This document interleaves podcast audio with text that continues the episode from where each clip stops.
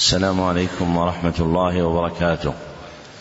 الحمد لله الذي جعل الدين مراتب ودرجات وصير للعلم به أصولا ومهمات. وأشهد أن لا إله إلا الله حقا وأشهد أن محمدا عبده ورسوله صدقا. اللهم صل على محمد وعلى آل محمد كما صليت على إبراهيم وعلى آل إبراهيم إنك حميد مجيد اللهم بارك على محمد وعلى آل محمد كما باركت على إبراهيم وعلى آل إبراهيم إنك حميد مجيد.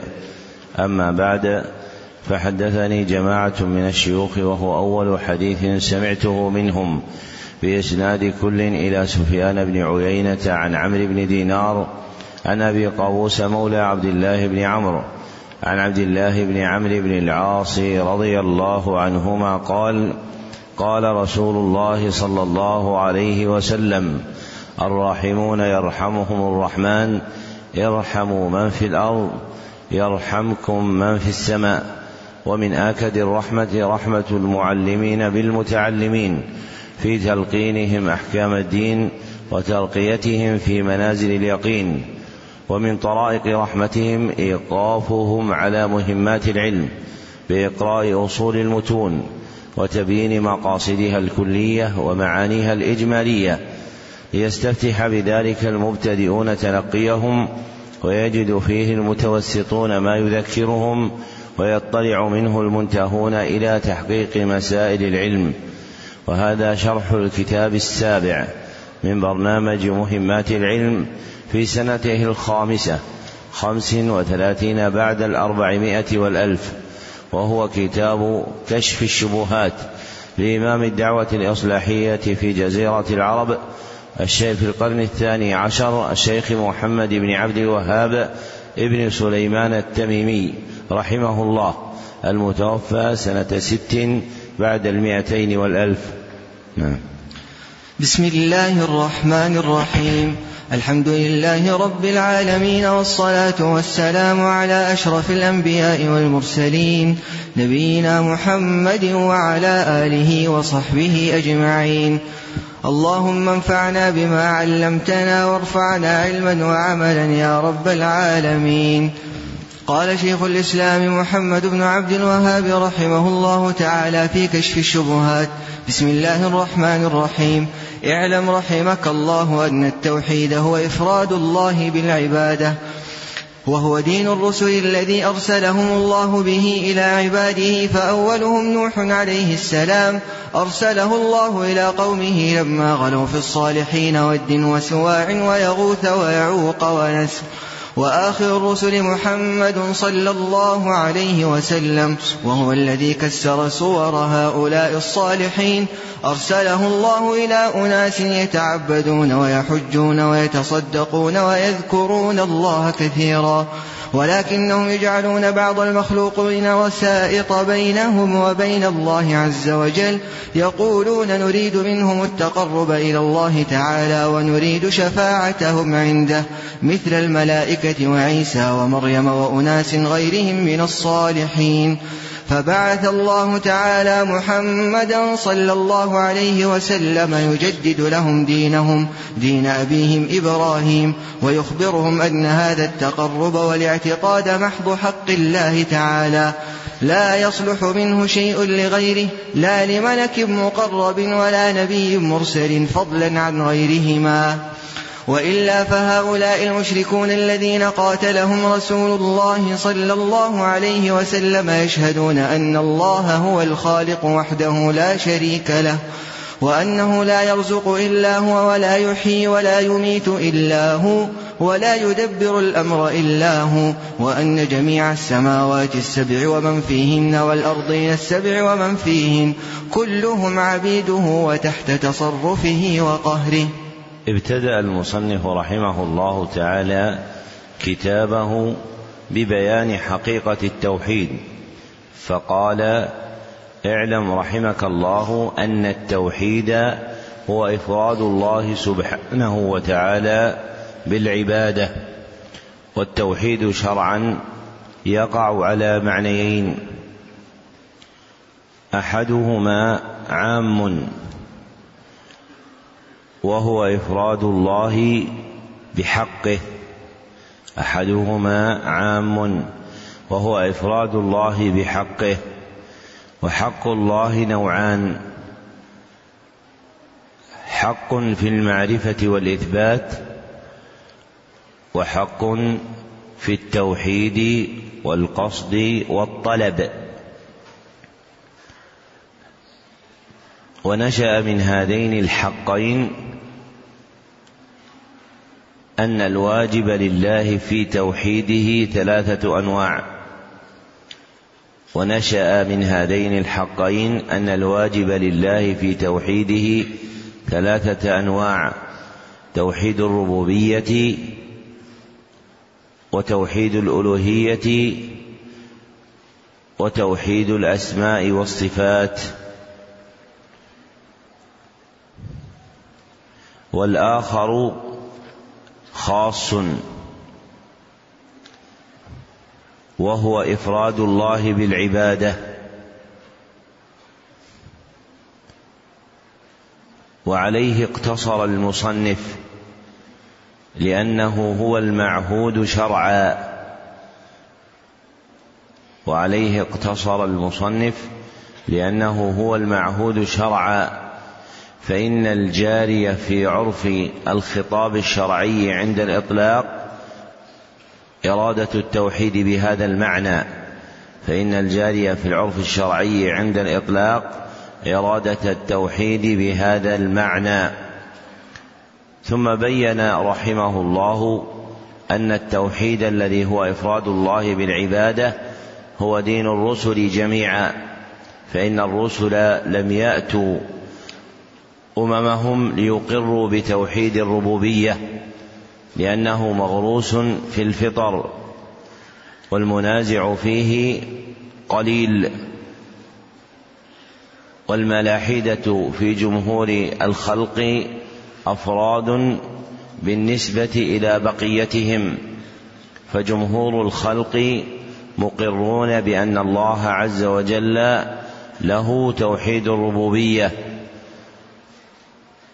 فيعتقدون إفراده سبحانه وتعالى في ذاته وأفعاله فأتوهم يدعونهم إلى توحيد العبادة. قال الله تعالى ولقد بعثنا في كل أمة رسولا أن اعبدوا الله واجتنبوا الطاغوت وقال وما أرسلنا من قبلك من رسول إلا نوحي إليه أنه لا إله إلا أنا فاعبدون. وأول أولئك, وأول أولئك الرسل هو نوح عليه الصلاة والسلام. أرسله الله سبحانه وتعالى إلى قومه لما غلوا في رجال من الصالحين. وأصل الغلو في الشرع مجاوزة الحد المأذون فيه على وجه الإفراط مجاوزة الحد المأذون فيه على وجه الإفراط. أي تعدي الحد الذي جعله الله عز وجل لما أذن به. أي تعدي الحد الذي جعله الله عز وجل لما أذن به. فمتى تعدي حده بالزيادة سمي غلوا. ومن جملة الغلو الغلو في الصالحين. ومن جملة الغلو الغلو في الصالحين. بمجاوزة الحد المأذون به شرعا. بمجاوزة الحد المأذون به شرعا في الانتفاع بهم. في مجاوزة الحد المأذون به شرعا في الانتفاع بهم كصحبتهم واستنصاحهم واستشارتهم وغير ذلك فمتى تعدي هذا الحد إلى ما فوقه ورفعوا عنه واعتقد فيهم النفع والضر وأنهم وسائط عند الله عز وجل وقع العبد في الغلو في الصالحين. ومن جملة الغلو في الصالحين وهو أوله غلو قوم نوح غلو قوم نوح عليه الصلاة والسلام في خمسة رجال صالحين منهم. هم ود وسواع ويغوث ويعوق ونسر. غلوا فيهم بأن عمدوا إلى قبورهم لما ماتوا فصوروا عندها صورهم في تماثيل ابتغاء أن تذكرهم تلك الصور الشوق إلى عبادة الله عز وجل فيزدادون منها. فكان أول بغيتهم أن تحدوهم تلك الصور إذا شاهدوها إلى التحلي بأحوال أهلها التي كانوا عليها من كثرة عبادة الله عز وجل والإقبال عليه. ثم زاد غلوهم في أولئك الصالحين حتى آل بهم الأمر إلى أن تركوا عبادة الله عز وجل وعبدوا أولئك الصالحين من دون الله سبحانه وتعالى. ولما هلك قوم نوح بالطوفان اندرست هذه الأصنام وانمحى ذكرها حتى جاء عمرو بن لحي سيد قبيلة خزاعة وكانوا أهل الحرم فجدد تلك الملة ورفع أعلامها فإنه كان يتردد هو وقومه إلى أهل الشام في التجارة فرأوهم يتخذون أصناما يعبدونها من دون الله عز وجل فعلق بقلبه حب عبادتها فاتخذ عمرو بن لحي أصناما وكان أول من غير دين العرب فإنهم كانوا على دين أبيهم إبراهيم عليه الصلاة والسلام. فنصب للعرب أصناما يعبدونهم. ذكر هذا ابن إسحاق وابن هشام وغيرهما من نقلة السير والأخبار. وكان من أمره أنه كان له رأي من الجن أي صاحب من الجن. دله على تماثيل الخمسة الذين كانوا يعظمون في قوم نوح. وكانت قد انتهت إلى شطء بحر جدة. فدله الشيطان عليهم فأخرجها عمرو بن لحي وجددها وفرقها في قبائل العرب. فانتشر في العرب تعظيم الأصنام والتعلق بها وصار هذا دينهم وتركوا دين أبيهم إبراهيم عليه الصلاة والسلام. فبعث الله إليهم محمدا صلى الله عليه وسلم ليجدد لهم دين أبيهم إبراهيم ويردهم إلى دين التوحيد. فجاءهم صلى الله عليه وسلم بشيرا ونذيرا وداعيا إلى الله بإذنه وسراجا منيرا ليخبرهم أن هذا التقرب والاعتقاد حق محض لله عز وجل وأنه لا يجوز التعلق بغيره من الأصنام والآلهة مهما بلغت رتبة المتعلق به ولو كان نبيا أو ملكا أو وليا أو غير ذلك من المعظمين.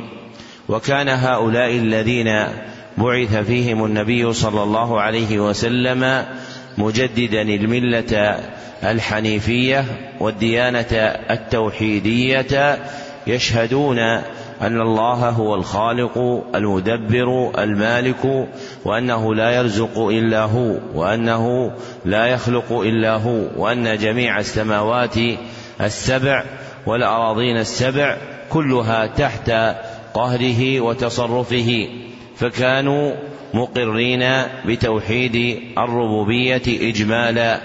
فدعاهم صلى الله عليه وسلم إلى توحيد الألوهية.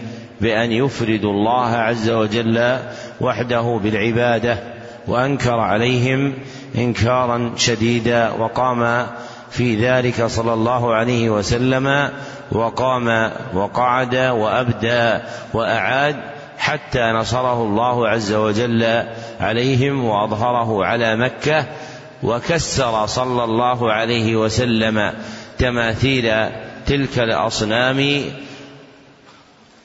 التي كانت منصوبة حول البيت الحرام وأبطل عبادتها التي كانت عند العرب فجدد بدعوته صلى الله عليه وسلم دين إبراهيم وأعاد الخلق إلى ما كانوا عليه من الحنيفية والتوحيد. نعم. أحسن الله إليكم قال رحمه الله.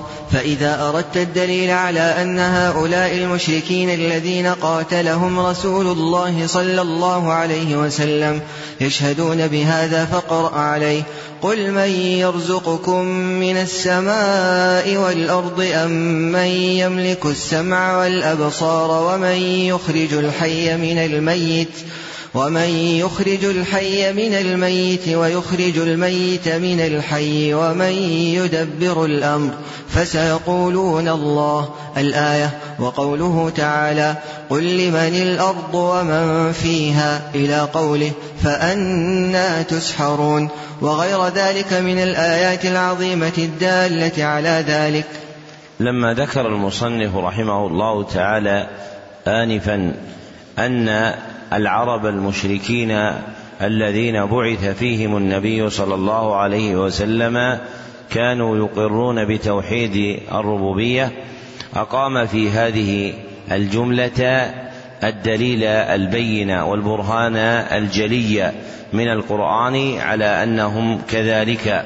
ووجه دلالة الآيات التي ذكرها ما فيها من إقرار المشركين بشيء من أفراد الربوبية المذكورة فيها كالخلق والرزق والملك والتدبير. فإنهم إذا سئلوا عن شيء من ذلك أقروا أنه لله عز وجل فكانوا يعتقدون أن الخلق بيد الله وأن الرزق بيد الله وأن التدبير بيد الله.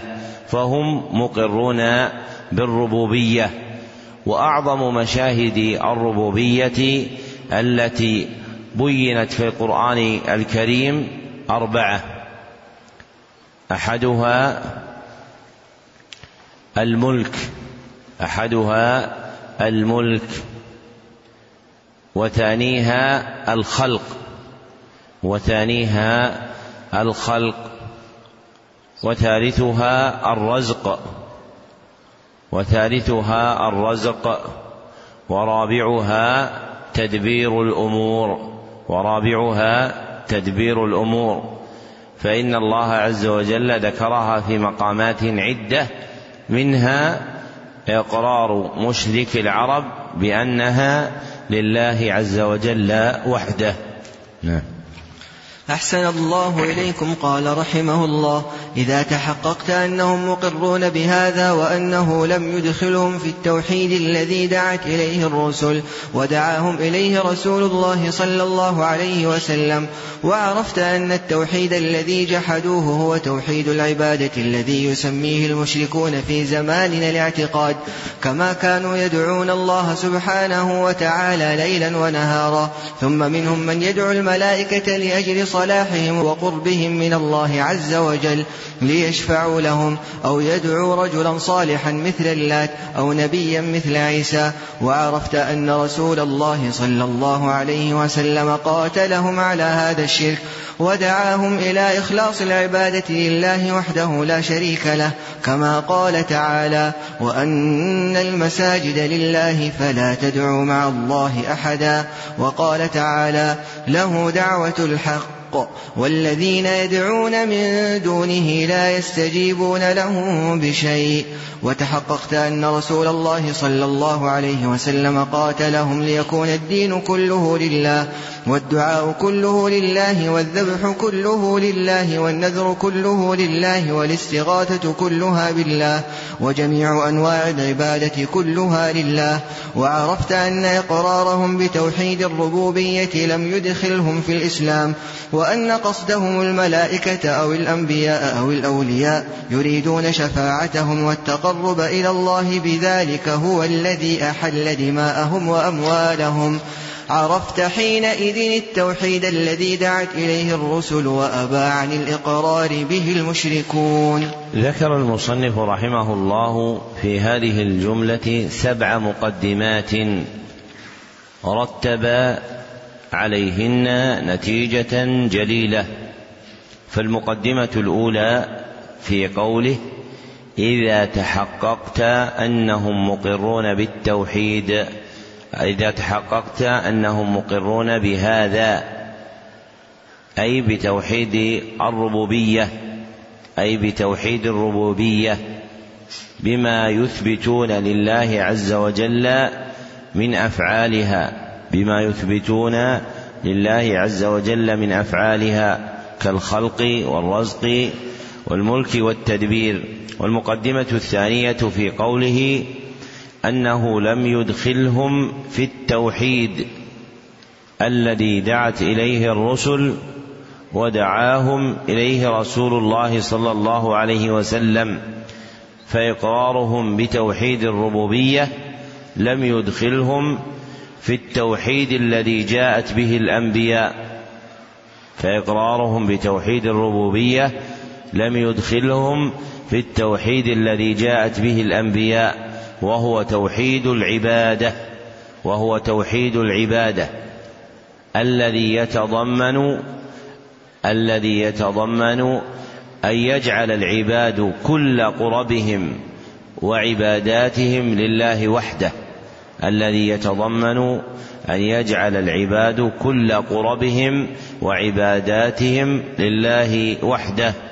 والمقدمة الثالثة في قوله وعرفت أن التوحيد الذي جحدوه هو توحيد العبادة الذي يسميه المشركون في زماننا الاعتقاد كما كانوا يدعون الله سبحانه وتعالى ليلا ونهارا ثم منهم من يدعو الملائكة لأجل صلاحهم وقربهم من الله عز وجل ليشفعوا لهم أو يدعو رجلا صالحا مثل اللات أو نبيا مثل عيسى. فالتوحيد الذي جحدوه هو المتعلق بإفراد الله بالقرب والأعمال. فالتوحيد الذي جحدوه هو المتعلق بإفراد الله بالقرب والأعمال الذي يسميه متأخر المشركين بالاعتقاد الذي يسميه متأخر المشركين بالاعتقاد. إذ يذكرون أن فلانا معتقد إذ يذكرون أن فلانا معتقد فيه أو أن للخلق اعتقادا حسنا فيه فيجعلون له من قربهم ما يرجون به نفعه ويتخوفون من ضره فيجعلون له من قربهم ما يرجون به نفعه ويتخوفون به قرب ويتخوفون به ضره وكان أهل الجاهلية الأولى لهم عبادات كما ذكر المصنف رحمه الله. ذلك فقال كما كانوا يدعون الله سبحانه وتعالى ليلا ونهارا. فكانوا يدعون الله عز وجل ثم منهم من يدعو الملائكة لأجل صلاحهم أو يدعو رجلا صالحا مثل اللات أو يدعو نبيا مثل عيسى عليه الصلاة والسلام. ووقع متأخر المشركين في مشابهتهم فإنهم يدعون الله سبحانه وتعالى ثم يدعون غيره ممن يعظمونهم من الخلق كالذين يدعون الحسين أو الذين يدعون البدوي فإن فعلهم كفعل أهل الجاهلية الأولى فيعتقدون أن لهؤلاء من المقام الحميد ما يعلق قلوبهم بهم رجاء النفع أو الضر ثم يظهرون محبتهم لهم كما زعموا بأن يتقربوا إليهم بأنواع من القرب كالنذر لهم أو الذبح لهم أو دعائهم والاستغاثة بهم. والمقدمة الرابعة في قوله وعرفت أن رسول الله صلى الله عليه وسلم قاتلهم على هذا على هذا الشرك ودعاهم إلى إخلاص العبادة لله وحده لا شريك له كما قال تعالى وأن المساجد لله فلا تدعوا مع الله أحدا وقال تعالى له دعوة الحق والذين يدعون من دونه لا يستجيبون لهم بشيء فأولئك المشركون من أهل الجاهلية مع ما كانوا عليه من العبادة التي يزعمون أنها لله عز وجل لم يقبل النبي صلى الله عليه وسلم منهم دعواهم ولا انتفعوا بعباداتهم في تصحيح ديانتهم بل كفرهم النبي صلى الله عليه وسلم وقاتلهم على هذا الشرك. ودعاهم إلى إفراد العبادة لله وحده وأن العبد لا يكون عبدا لله عز وجل حتى يجعل كل عمله لله. وذكر المصنف رحمه الله تعالى آيتين تدلان على وجوب إفراد الله بالعبادة. فالآية الأولى قوله تعالى وأن المساجد لله فلا تدعوا مع الله أحدا. ودلالة هذه الآية على إفراد الله بالعبادة من وجهين. ودلالة هذه الآية على وجوب إفراد الله بالعبادة من وجهين. أحدهما في قوله وأن المساجد لله. أحدهما في قوله وأن المساجد لله. والمذكور من كلام السلف في تفسير هذه الآية على اختلافه يرجع إلى إفراد الله بأنواع الإجلال والتعظيم والعبادة. يرجع إلى إفراد الله بأنواع الإجلال والتعظيم والعبادة. فإن منهم من ذكر أن المساجد أماكن العبادة. ومنهم من ذكر أن المساجد أعضاء السجود ومنهم من ذكر غير ذلك. وكل المذكور من تفسير السلف يحويه يحويه وعاء واحد وهو أن جميع أنواع التعظيم والإجلال والعبادة يجب أن تكون لله وحده. والآخر في قوله فلا تدعوا مع الله أحدا فإنه نهي عن دعاء غير الله. فإنه نهي عن دعاء غير الله. وتقدم أن الدعاء يقع في الخطاب الشرعي اسما للعبادة كلها. وتقدم أن الدعاء يقع في الخطاب الشرعي اسما للعبادة كلها.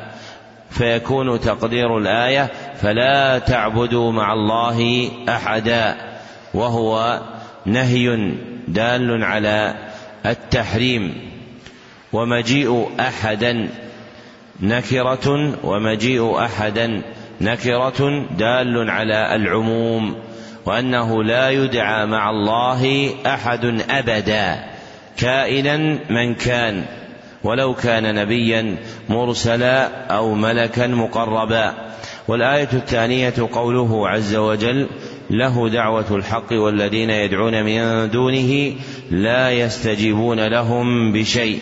ومعنى قوله له دعوة الحق أي له العبادة الصحيحة الخالصة من كل شائبة. أي له العبادة الصحيحة الخالصة من كل شائبة. قال الله تعالى ألا لله الدين الخالص. قال الله تعالى ألا لله الدين الخالص ولا تكون العبادة كذلك إلا إذا أفرد الله بها ولا تكون العبادة كذلك إلا إذا أفرد الله بها. والمقدمة الخامسة في قوله وتحققت أن رسول الله صلى الله عليه وسلم قاتلهم ليكون الدين كله لله والدعاء كله لله والذبح كله لله والنذر كله لله والاستغاثة كلها بالله وجميع أنواع العبادة كلها لله. أي فلا يقبل الله عز وجل أن تبعض هذه العبادة فيكون بعضها لله وبعضها لغيره. لأن العبادة حق الله والله لا يقبل الشركة في حقه. فمن نذر لله ونذر لغيره فقد وقع في الشرك ولم يكن موحدا ولم يقبل الله عز وجل منه عمله. وسائر الأعمال مثل ذلك. فالذبح والنذر والدعاء والاستغاثة إذا أشرك فيها مع الله غيره ردت هذه العبادات على عاملها ولم يقبل الله سبحانه وتعالى منها شيئا وكان عاملها مشركا بالله عز وجل. والمقدمة السادسة في قوله وعرفت أن إقرارهم بتوحيد الربوبية لم يدخلهم في الإسلام أي أن ما كانوا عليه من إقرار إجمالي بتوحيد الربوبية لم يدخلهم في الدين الذي جاء به النبي صلى الله عليه وسلم ولا عصم دماءهم وأموالهم ولا عصم دماءهم وأموالهم. والفرق بين هذه المقدمة والمقدمة الثانية أن المنفي فيها هو دخولهم في الدين الذي بعث به النبي صلى الله عليه وسلم خاصة. والمنفي في المقدمة الثانية هو دخولهم في الدين العام الذي جاءت به الأنبياء. هو دخولهم في الدين العام الذي جاءت به الأنبياء. فكانوا مباينين بالكلية. دعوة الأنبياء والرسل فكانوا مباينين بالكلية دعوة الأنبياء والرسل فلا هم داخلون في دائرة المتبعين للرسل السابقين ولا هم داخلون في المتبع في دائرة المتبعين الرسول الذي بعث إليهم وهو محمد صلى الله عليه وسلم. والمقدمة السابعة في قوله وأن قصدهم الملائكة أو الأنبياء أو الأولياء يريدون شفاعتهم والتقرب إلى الله بذلك هو الذي أحل دماءهم وأموالهم. أي أن الذي أوجب الحكم عليهم بالشرك والكفر هو ما كانوا عليه من اتخاذ الشفعاء هو ما كانوا عليه من اتخاذ الشفعاء وجعلهم وسائط بينهم وبين الله سبحانه وتعالى ليقربوهم إليه. فإنهم كانوا يقولون هؤلاء شفعاؤنا عند الله وكانوا يقولون ما نعبدهم إلا ليقربونا إلى الله زلفى. وهاتان الآيتان دالتان على أمرين عظيمين. وهاتان الآيتان دالتان على أمرين عظيمين. أحدهما أن الشرك كان واقعا فيهم. أن الشرك كان واقعا فيهم. والآخر أن الشرك الواقع فيهم هو اتخاذهم الشفعاء والشركاء. أن الشرك الواقع فيهم هو اتخاذه اتخاذهم الشفعاء والشركاء والسائط عند الله سبحانه وتعالى.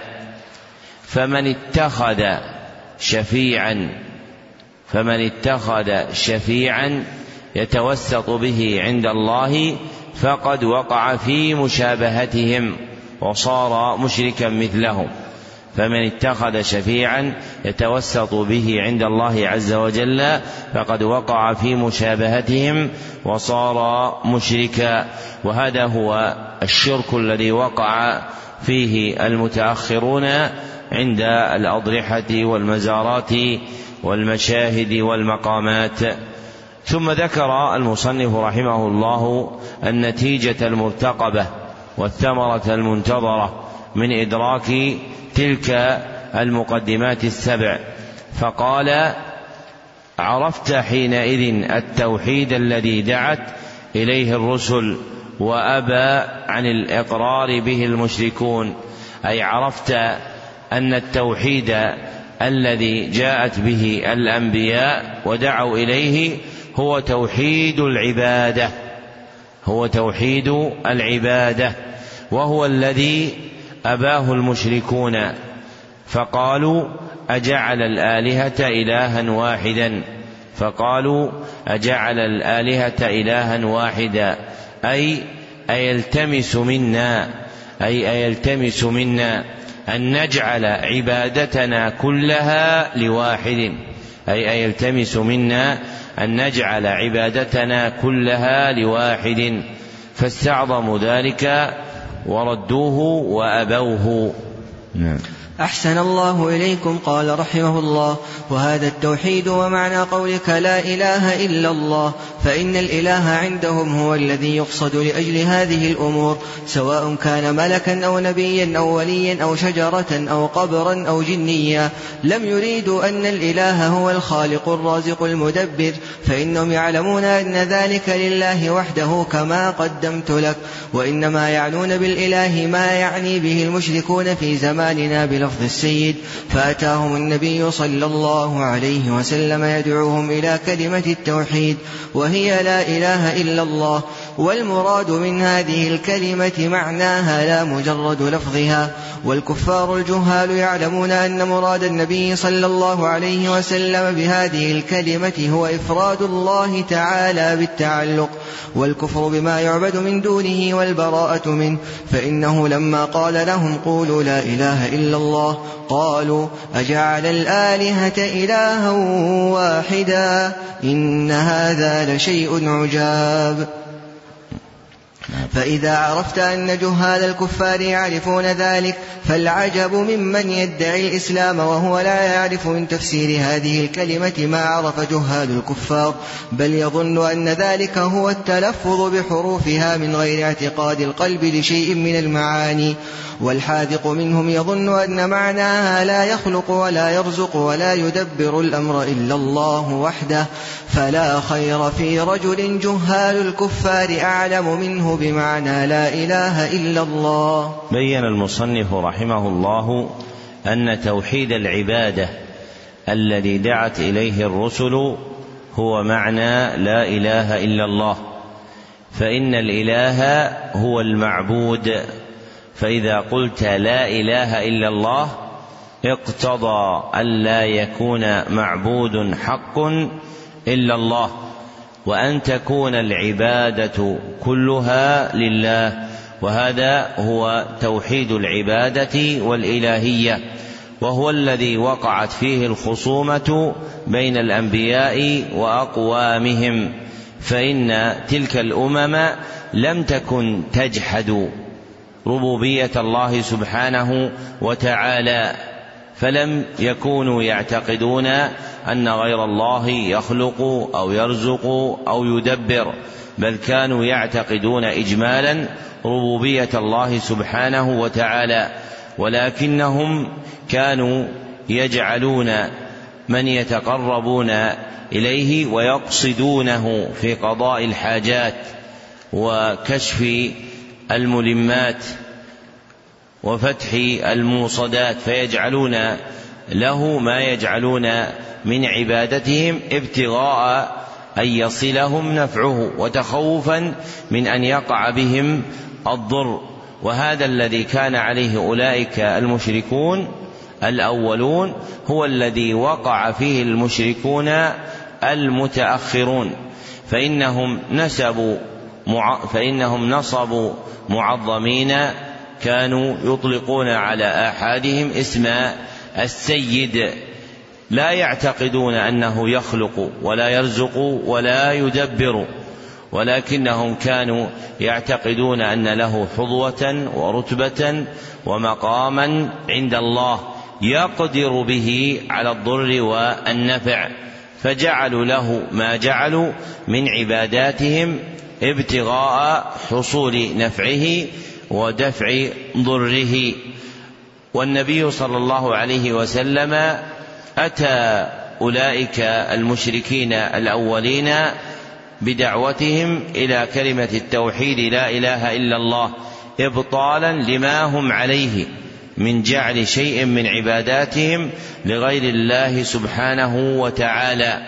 وذلك بأن يفردوا الله عز وجل بالعبادة كلها. فالتمس منهم أن يقولوا لا إله إلا الله موحدين له فإنهم متى قالوا لا إله إلا الله موحدين له لم يجعلوا شيئا من عباداتهم لغير الله عز وجل وإنما يمكن أن يكون المرء كذلك إذا وعى حقيقة لا إله إلا الله واعتقد معناها. والتزم مقتضاها فإنه حينئذ لا يجعل شيئا من عبادته لغير الله عز وجل. وفهم الكفار الأولون ذلك وأن النبي صلى الله عليه وسلم يريد منهم أن لا يجعلوا شيئا من العبادة لغير الله عز وجل وأن مقصوده هو إفراد الله عز وجل بالتعلق والعبادة. فلما وعوا ذلك قالوا منكرين أجعل الآلهة إلها واحدا؟ إن هذا لشيء عجاب. ومن أهل الإسلام المنتسبين إليه في المتأخرين من لا يعرف من تفسير هذه الكلمة ما كان يعرفه جهلة الكفرة من العرب. فإن جهلة الكفرة من العرب الأولين عرفوا أن معنى لا إله إلا الله أن تجعل عبادتك كلها لله وفي المنتسبين للإسلام بآخرة. من يقول لا إله إلا الله ثم يذبح لغير الله أو ينذر لغير الله أو يدعو غير الله أو يستغيث بغير الله فهؤلاء لم يعلموا من كلمة لا إله إلا الله ما علمه أولئك منها فظنوا أن مجرد قولها كاف في كون العبد من أهلها. وأما أولئك الأولون فإنهم علموا أن قول العبد لا إله إلا الله يلزمه أن يكون عمله كله لله عز وجل.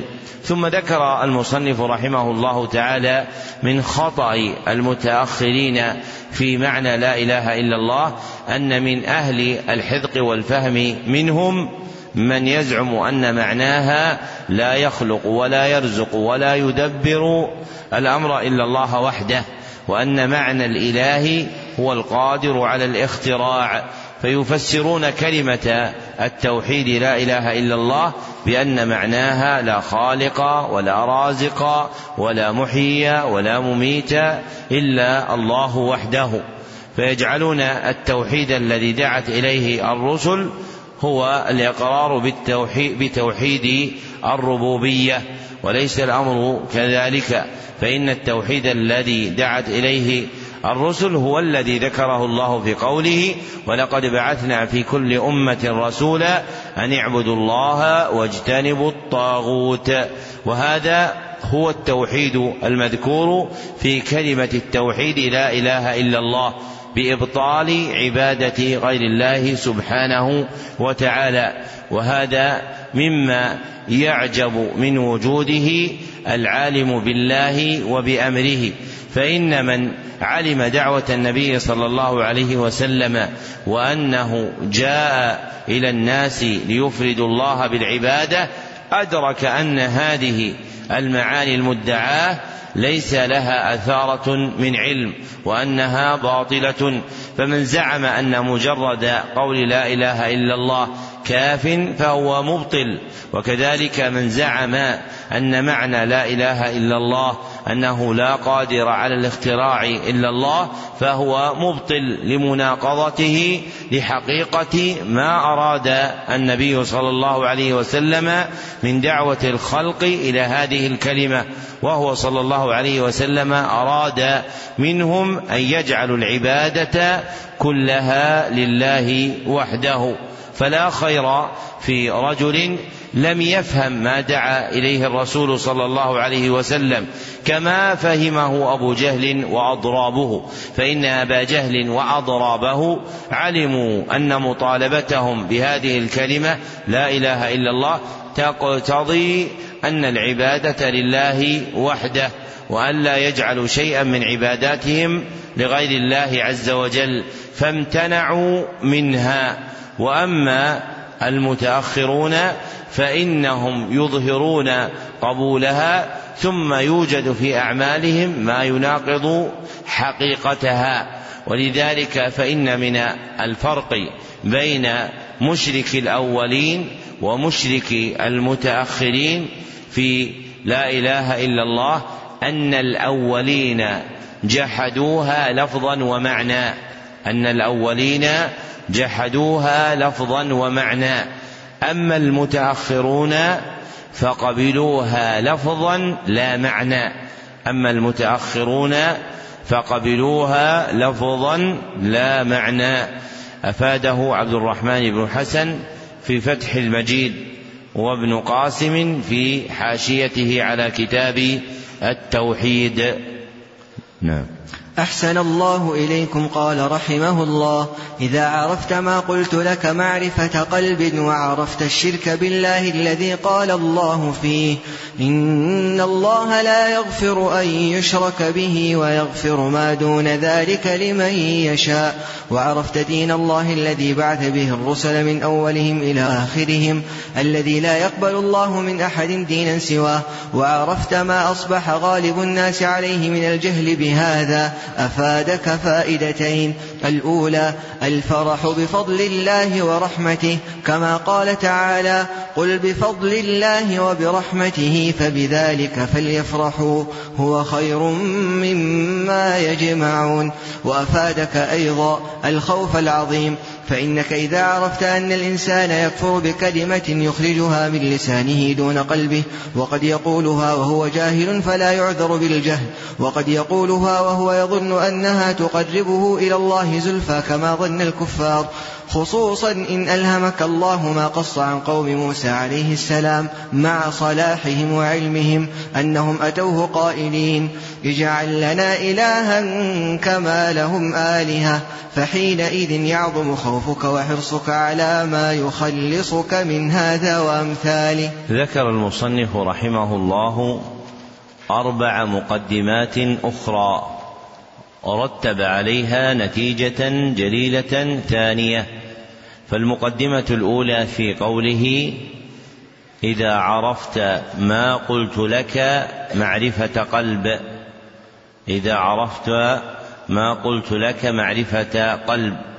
وهو أن النبي صلى الله عليه وسلم بعث في قوم يقرون بتوحيد الربوبية ولكنهم يعبدون الله ويعبدون غيره. ولكنهم يعبدون الله ويعبدون غيره. والمقدمة الثانية في قوله وعرفت الشرك بالله الذي قال الله فيه إن الله لا يغفر أن يشرك به ويغفر ما دون ذلك لمن يشاء أي عرفت الشرك الذي وقع فيه المتقدمون من أهل الجاهلية الأولى.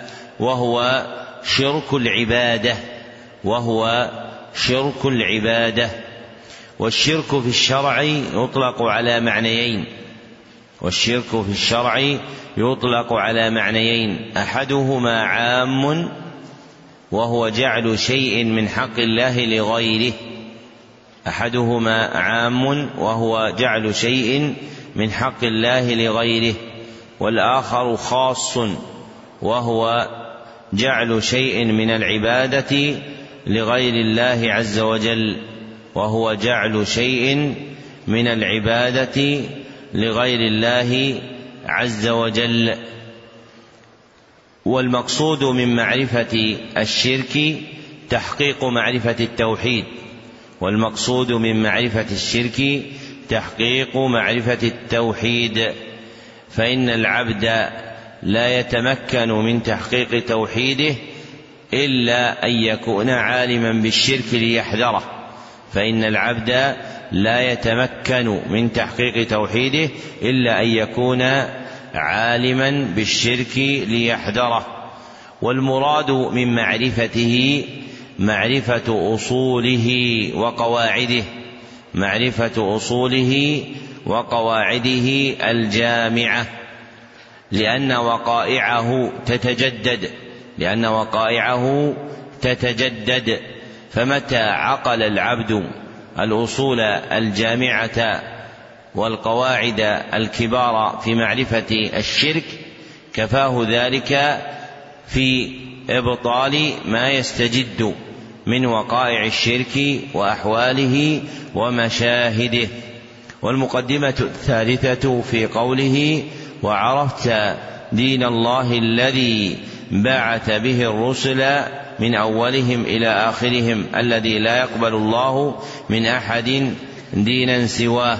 أي عرفت دين الإسلام أي عرفت دين الإسلام لأن حقيقته الاستسلام لله بالتوحيد لأن حقيقته الاستسلام لله بالتوحيد.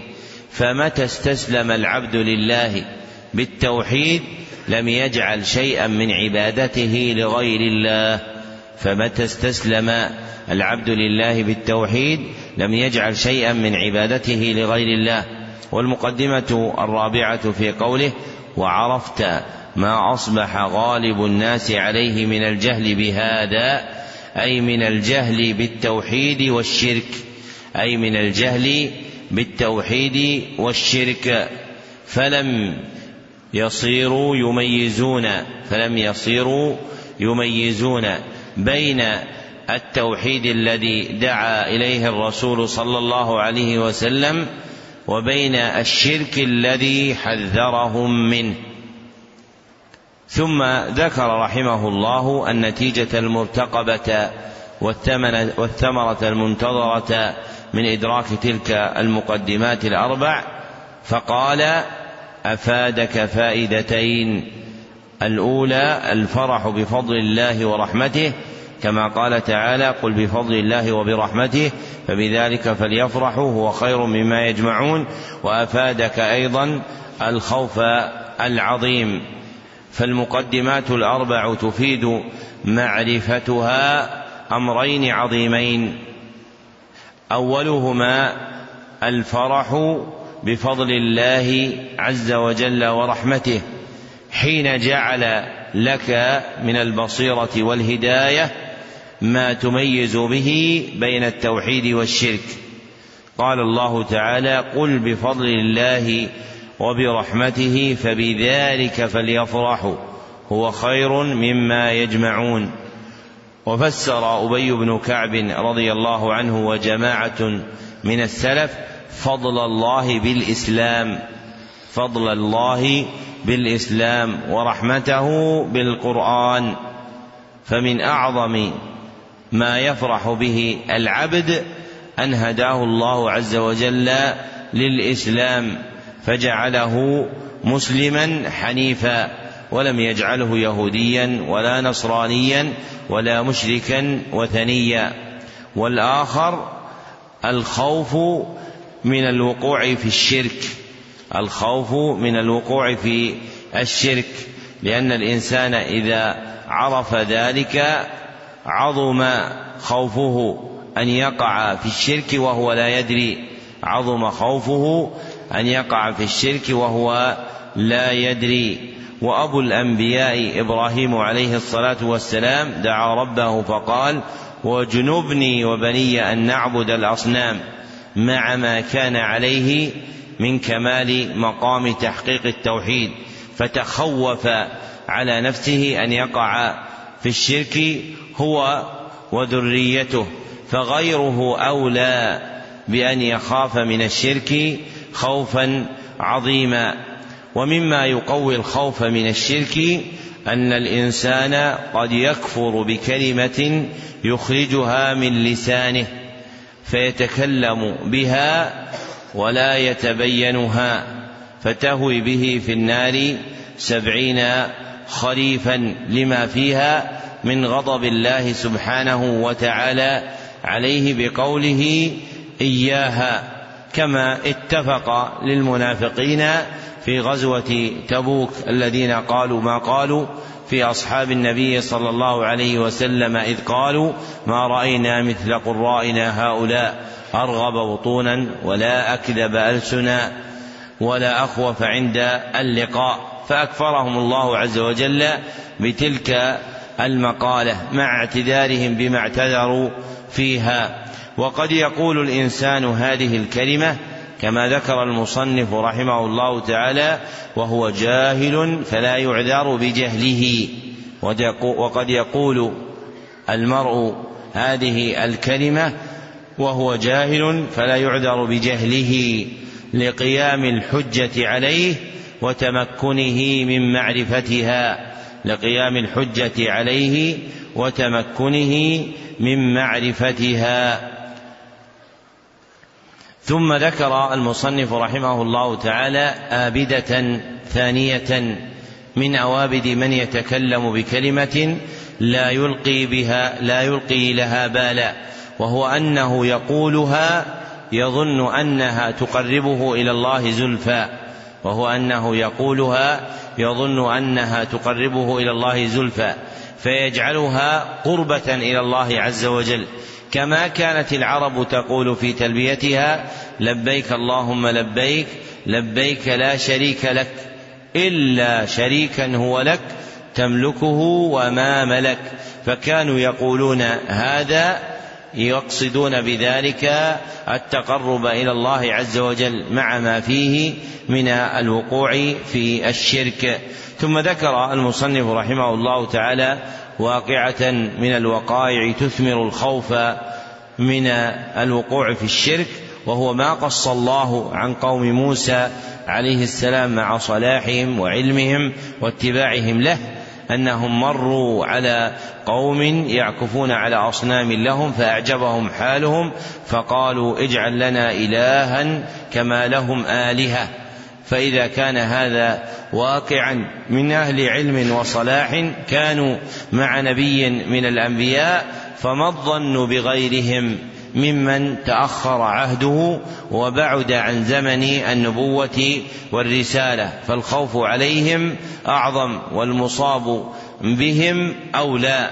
فينبغي أن يتحرز المرء من ذلك وأن يعظم خوفه من الشرك. لأنه إذا عمر قلبه بالخوف من الشرك نأى به ذلك الخوف عن الوقوع في الشرك. وإذا أمن الإنسان نفسه وركن إليها وأخلد إلى ثقته بنفسه ولم يعتني بالبعد عن الشرك فربما علق بقلبه شيء من أمر الجاهلية والشرك فتحول إليه وصار له ما يصير للذين وقعوا في الشرك بالله سبحانه وتعالى. نعم. أحسن الله إليكم قال رحمه الله. واعلم أن الله سبحانه من حكمته لم يبعث نبيا بهذا التوحيد إلا جعل له أعداء كما قال تعالى وكذلك جعلنا لكل نبي عدوا شياطين الإنس والجن. وقد يكون لأعداء التوحيد علوم كثيرة وكتب وحجج كما قال تعالى فلما جاءتهم رسلهم بالبينات فرحوا بما عندهم من العلم وحاق بهم وحاق بهم ما كانوا به يستهزئون ذكر المصنف رحمه الله أمرين عظيمين. أحدهما أن الله عز وجل لم يبعث نبيا إلا جعل له أعداء من المشركين. أن الله عز وجل لم يبعث نبيا إلا جعل له أعداء من المشركين. قال الله تعالى وكذلك جعلنا لكل نبي عدوا من المجرمين. وفي قصة ورقة بن نوفل في الصحيح أنه قال يا ليتني فيها جذعا. يا ليتني أكون حيا حين يخرجك قومك. فقال أو مخرجيهم فقال إنه لم يأتي أحد بمثل ما جئت به إلا عودي. والآخر أن دعاة الباطل يكون عندهم علوم وكتب وحجج. أن دعاة الباطل يكون عندهم علوم وكتب وحجج. كما قال تعالى فلما جاءتهم رسلهم بالبينات فرحوا بما عندهم من العلم وما عندهم من العلم هو شيء يدعون كونه علما يردون به دعوة الأنبياء والرسل فدعاة الباطل عندهم علوم كثيرة وحجج متنوعة لكنها في الحقيقة ما هي إلا سراب خيال وليس في طيها من البراهين والبينات شيء ولكنهم يعظمونها ليبطلوا دعوة الحق. أحسن الله إليكم قال رحمه الله. إذا عرفت ذلك وعرفت أن الطريق إلى الله لا بد له من أعداء قاعدين عليه أهل فصاحة وعلم وحجج فالواجب عليك أن تعلم من دين الله ما يصير سلاحا تقاتل به هؤلاء الشياطين الذين قال إمامهم ومقدمهم لربك عز وجل لأقعدن لهم صراطك المستقيم ثم لآتينهم من بين أيديهم ومن خلفهم.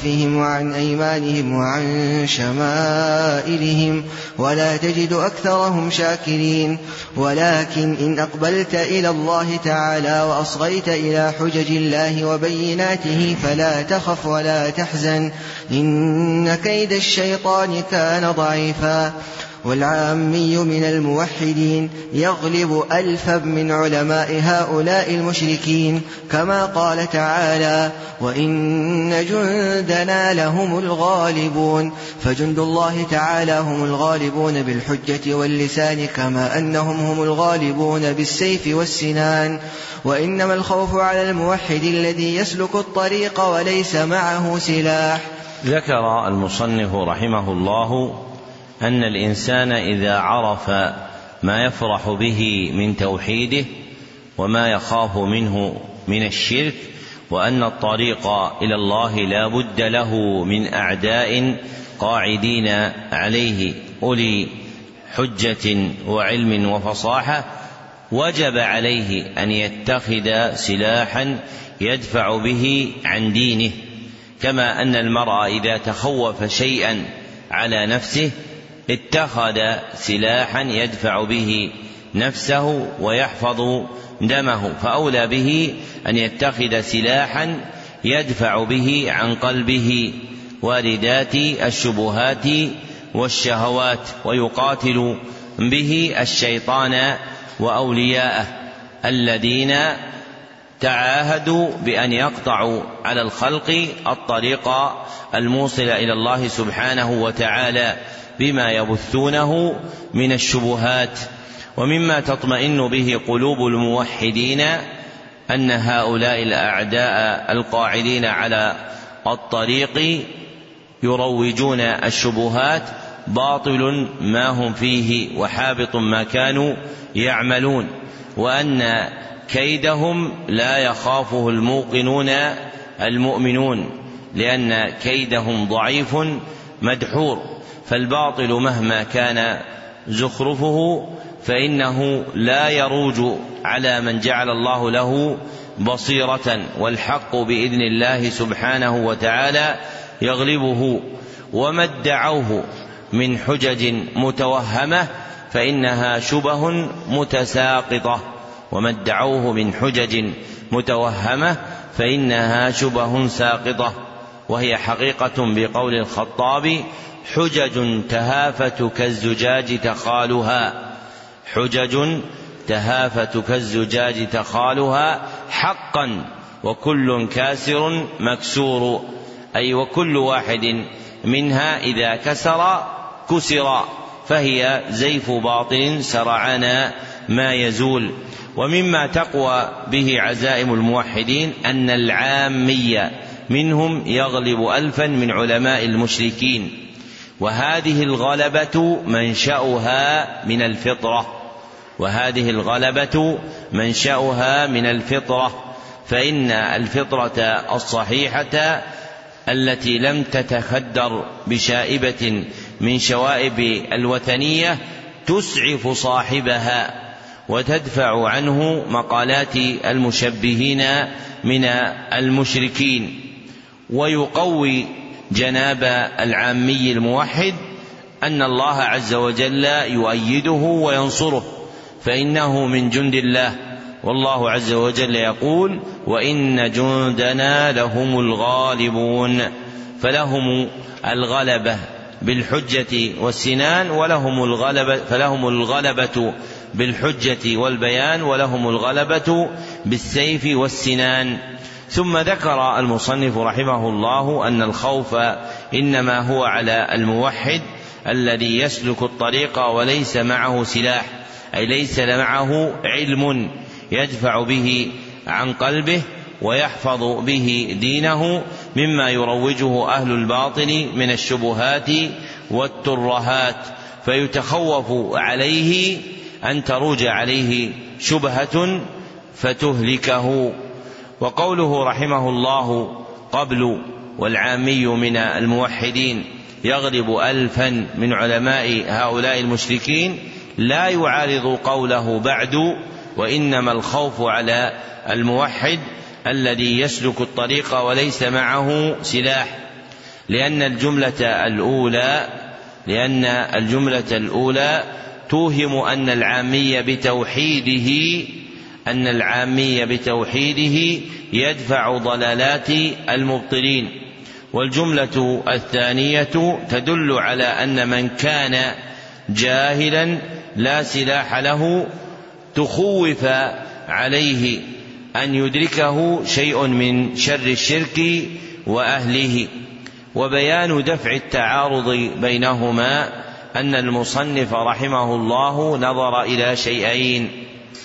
وبيان دفع التعارض بينهما أن المصنف نظر إلى شيئين أحدهما مأخذ كوني أحدهما مأخذ كوني وهو جريان تقدير الله عز وجل بغلبة العامي الموحد للعلماء المشركين وهو جريان تقدير الله عز وجل بغلبة العامي الموحد للعلماء المشركين.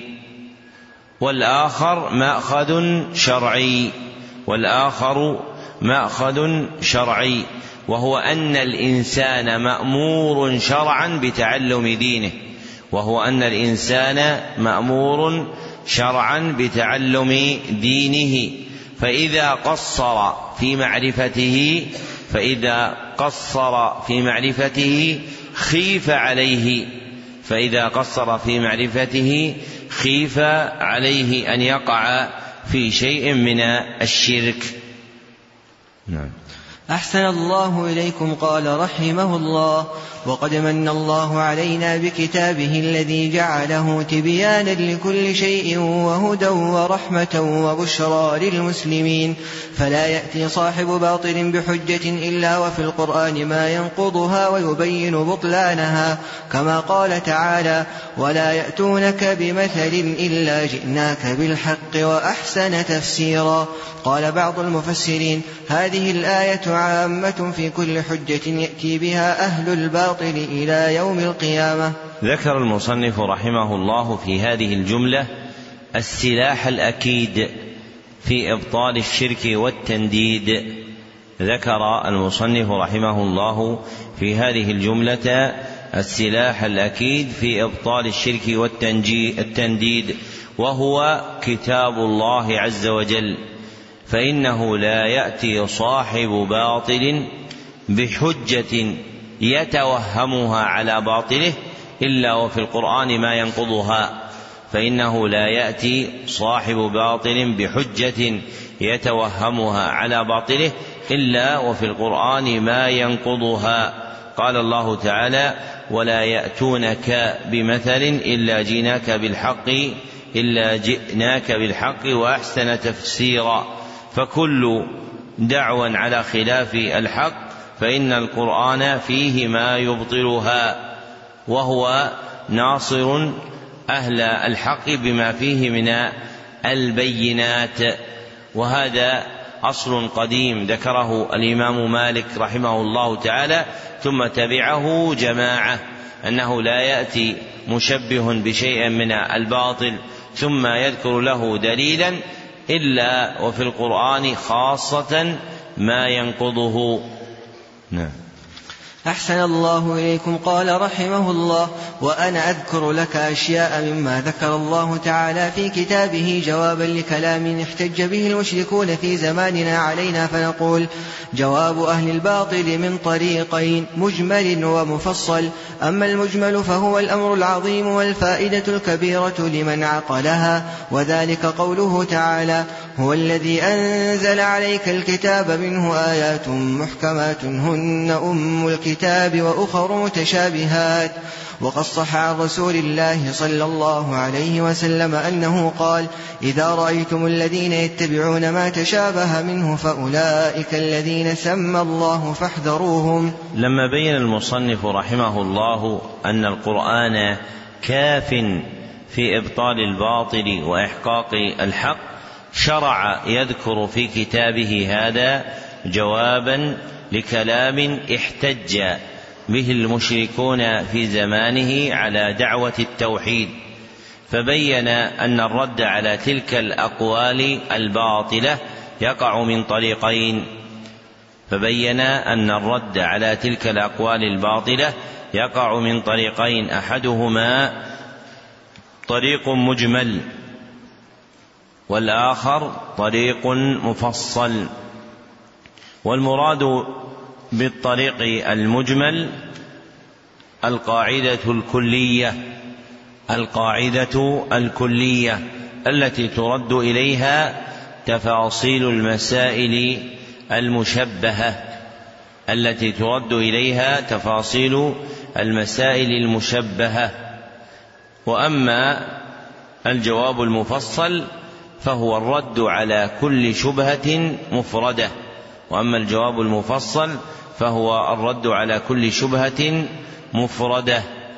وبدأ رحمه الله بالجواب المجمل لأنه الكلي وهو الأمر والفائدة الكبيرة لمن عقلها كما قال. واستدل على تحقيقه بقوله تعالى هو الذي أنزل عليك الكتاب منه آيات محكمات هن أم الكتاب وأخر متشابهات فإن الله بين في القرآن أن منه ما هو محكم ومنه ما هو متشابه. والإحكام والتشابه في القرآن له معنيان. والإحكام والتشابه في القرآن له معنيان. أحدهما الإحكام والتشابه الكلي. الإحكام والتشابه الكلي. قال الله تعالى كتاب أحكمت آياته. كتاب أحكمت آياته. وقال تعالى كتابا متشابها. كتابا متشابها. فالقرآن كله موصوف بالإحكام أي بالإتقان. فالقرآن كله موصوف بالإحكام أي بالإتقان. وهو موصوف كله أيضا بالتشابه وهو موصوف كله أيضا بالتشابه أي تصديق بعضه بعضا أي تصديق بعضه بعضا. والآخر الإحكام والتشابه الجزئي والآخر الإحكام والتشابه الجزئي وهو نوعان. أحدهما إحكام وتشابه في باب الخبر. إحكام وتشابه في باب الخبر. فالمحكم منه ما ظهر لنا علمه. فالمحكم منه ما ظهر لنا علمه والمتشابه منه ما لم يظهر لنا علمه. والمتشابه منه ما لم يظهر لنا علمه والآخر إحكام وتشابه في باب الطلب. إحكام وتشابه في باب الطلب. فالمحكم منه ما اتضح معناه. فالمحكم منه ما اتضح معناه والمتشابه منه ما لم يتضح معناه.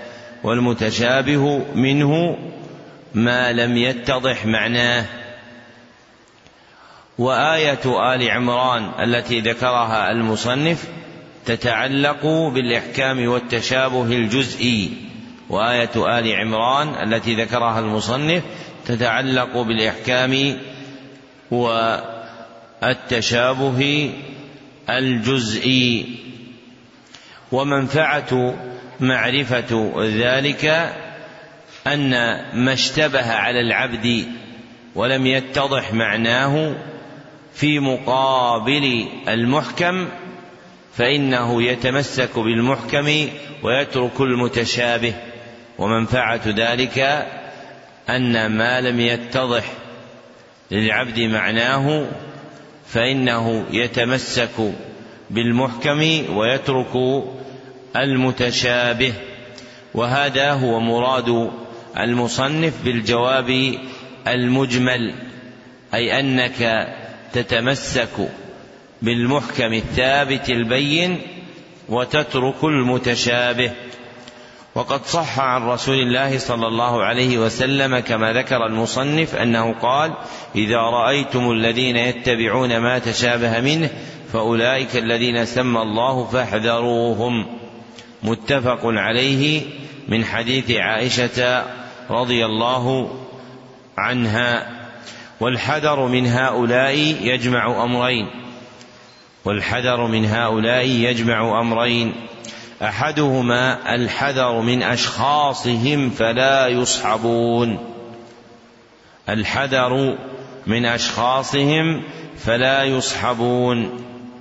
لماذا؟ لماذا لا يصحبون؟ لأنهم يسحبون. لأنهم كما قال الأخ يؤثرون في العبد لأن العبد يتأثر بهم. وقد قالوا الصاحب ساحب. وقد قالوا الصاحب ساحب. أن ينقل من يصحبه إلى حاله. فإذا صحب المرء أهل البدع والأهواء والضلال والتشابه نقلوه إلى ما هم عليه من الشر فيجب عليه أن يحذرهم. والآخر الحذر من مقالاتهم فلا يقبل, فلا يقبل الإنسان عليها ولا يتشاغل بها. الحذر من مقالاتهم فلا يقبل الإنسان عليها ولا يتشاغل بها. لأن إقباله عليها إيراد لقلبه على مورد الهلكة لأن إقباله عليها إيراد لقلبه على مورد الهلكة. وإذا أقبل المرء بقلبه على مورد الهلكة لم يأمن البلاء لم يأمن البلاء لأن القلوب ضعيفة والشبه خطافة لأن القلوب ضعيفة والشبه خطافة وما يروج إليه من إضعاف هذا الأصل من تسميته انغلاقا لا يبالي به المؤمن فإن الانغلاق على الحق حق والانفتاح على الباطل باطل. والله سبحانه وتعالى لم يرد منا إلا أن نكون عبادا له.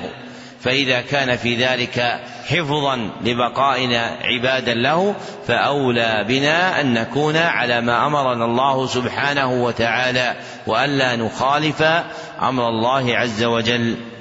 نعم.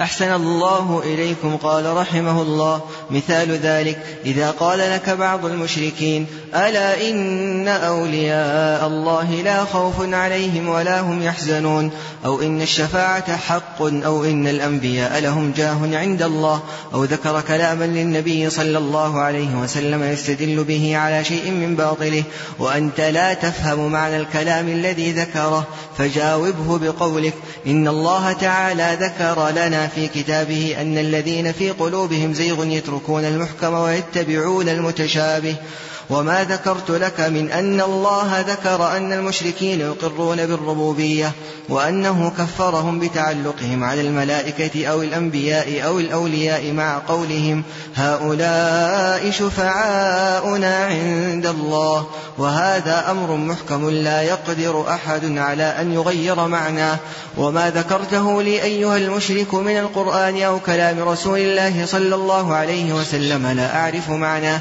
ولكن أقطع أن كلام الله لا يتناقض وأن كلام النبي صلى الله عليه وسلم لا يخالف كلام الله عز وجل وهذا جواب جيد سديد ولكن لا يفهمه إلا من وفقه الله تعالى ولا تستهون فإنه كما قال تعالى وما يلقاها إلا الذين صبروا وما يلقاها إلا ذو حظ عظيم لما ذكر المصنف رحمه الله أن جواب الشبه المذكورة في باب توحيد العبادة يكون من طريقين. أحدهما طريق مجمل والآخر طريق مفصل. شرع رحمه الله يذكر مثالا يتضح به الجواب يتضح به الجواب المجمل وهو كما سبق رد الأمر إلى الإحكام. وترك المتشابه وهو كما سبق رد الأمر إلى الإحكام وترك المتشابه. فإذا استدل عليك أحد بالدعاوى الباطلة بكلام متشابه كأن يقول الشفاعة حق والأنبياء لهم عند الله جاه أو ذكر كلاما يستدل به وأنت لا تفهم هذا الكلام فالجواب القاطع باطله أن تقول إن إحكام القرآن دل على أن المشركين يقرون بتوحيد الربوبية. أن إحكام القرآن دل على أن المشركين يقرون بتوحيد الربوبية. وأن الله كفرهم بتعلقهم بالأنبياء والأولياء والملائكة لما جعلوهم شفعاء ووسائط. فإن هذا الأمر أمر محكم بين لا يترك أبدا وهذا الكلام الذي يذكره يشبه به كلام كما قال المصنف لا تعرف معناه وقول المصنف لا أعرف معناه يحتمل شيئين أحدهما لا أعرف معناه الذي تدعيه وتذكره لا أعرف معناه الذي تدعيه وتذكره. والآخر لا أعرف معناه الذي ذكره أهل العلم.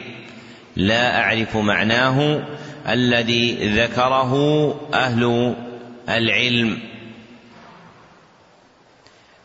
فنفي العبد معرفته وتمسكه بالمحكم في هذا الباب كاف كاف في رد ما تشابه منه فالكلام المشبه المروج للباطل إذا لم يعرف المرء معناه رد المذكور فيه إلى المحكم المقطوع به المعروف في خبر الشريعة وأبطل هذا المتشابه بتركه وأخبر أن الله عز وجل أمره بأخذ المحكم وترك المتشابه.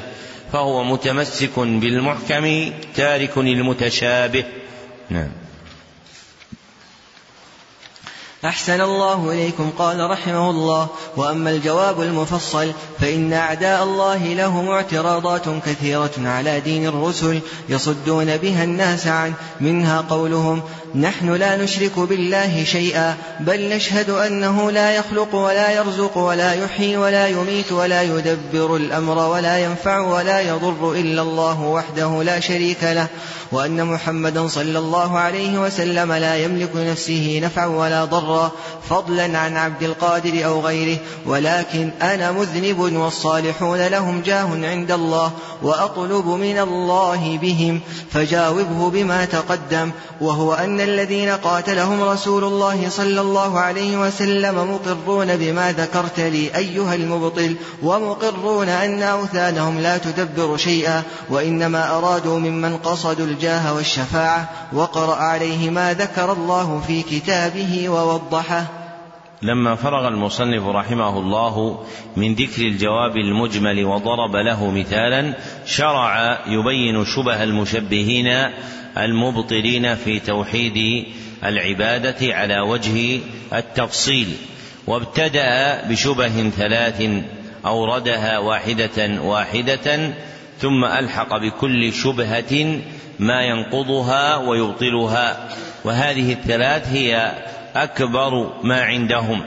وأول هذه الشبه أنهم يقولون نحن لا نشرك بالله بل نشهد أنه لا يخلق ولا يرزق ولا ينفع ولا يضر إلا الله وأن محمدا صلى الله عليه وسلم لا يملك نفعا ولا ضرا فضلا عن من دونه فضلا عن من دونه. ولكننا مذنبون والصالحون لهم جاه. ولكننا مذنبون والصالحون لهم جاه. فنحن نطلب من الله بهم. فنحن نطلب من الله بهم. هذه هي شبهتهم. والجواب عن هذه الشبهة من وجوه ثلاثة. والجواب عن هذه الشبهة من وجوه ثلاثة. أولها أن هذه المقالة هي من مقالات المشركين الذين أكفرهم النبي صلى الله عليه وسلم وقاتلهم. أن هذه المقالة من مقالات المشركين الذين أكفرهم النبي صلى الله عليه وسلم وقاتلهم. فإنهم كانوا يزعمون أن آلهتهم وسائط عند الله يطلبون بها. فمن قال كمقالتهم فهو مشرك مثلهم. فمن قال كمقالتهم فهو مشرك مثلهم. وثانيها أن الجاه الذي يكون للصالحين جاه يتعلق بهم. أن الجاه الذي يكون للصالحين جاه يتعلق بهم لا يلزم منه جواز دعائهم والاستغاثة بهم لا يلزم منه جواز دعائهم والاستغاثة بهم. فإن الله عز وجل الذي جعل لهم ما جعل من مقام حميد نهاك عن دعاء غيره. فإن الله الذي جعل لهم ما جعل من مقام حميد نهاك عن دعاء غيره. فلم يؤذن لك بدعاء الصالحين والطلب منهم. وثالثها أن العبد المذنب مأمور في الشرع إذا وقعت منه زلة أن يتوب إلى الله ويستغفره.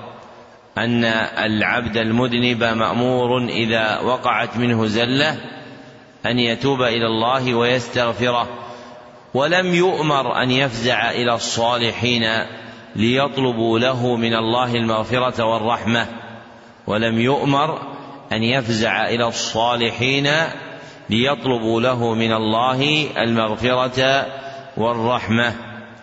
نعم. أحسن الله إليكم قال رحمه الله.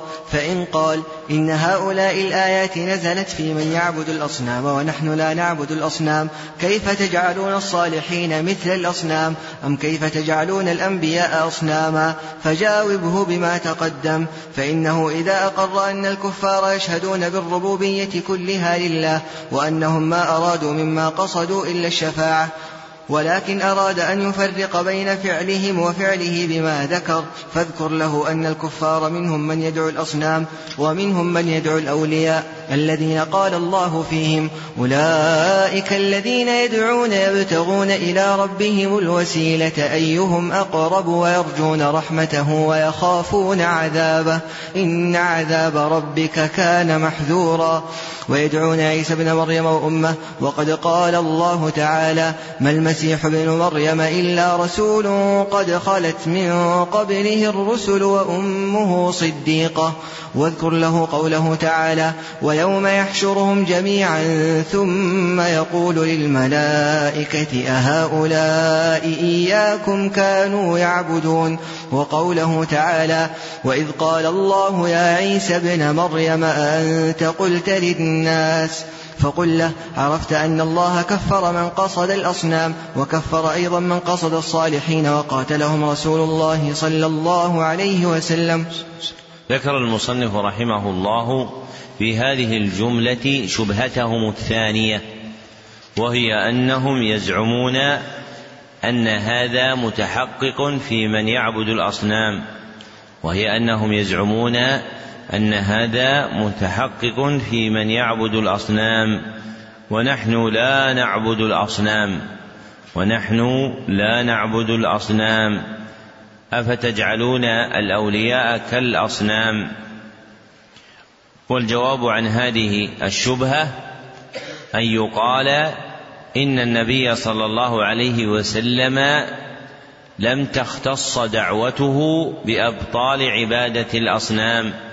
أن النبي صلى الله عليه وسلم لم تختص دعوته بإبطال عبادة الأصنام فإنه صلى الله عليه وسلم ظهر على أقوام متفرقين في عباداتهم فإنه صلى الله عليه وسلم ظهر على أقوام متفرقين في عباداتهم فمنهم من يعبد الأصنام ومنهم من يعبد الملائكة ومنهم من يعبد الأنبياء ومنهم من يعبد الأنبياء الأولياء فأنكر النبي صلى الله عليه وسلم عليهم جميعا وأبطل عبادتهم وأكفرهم.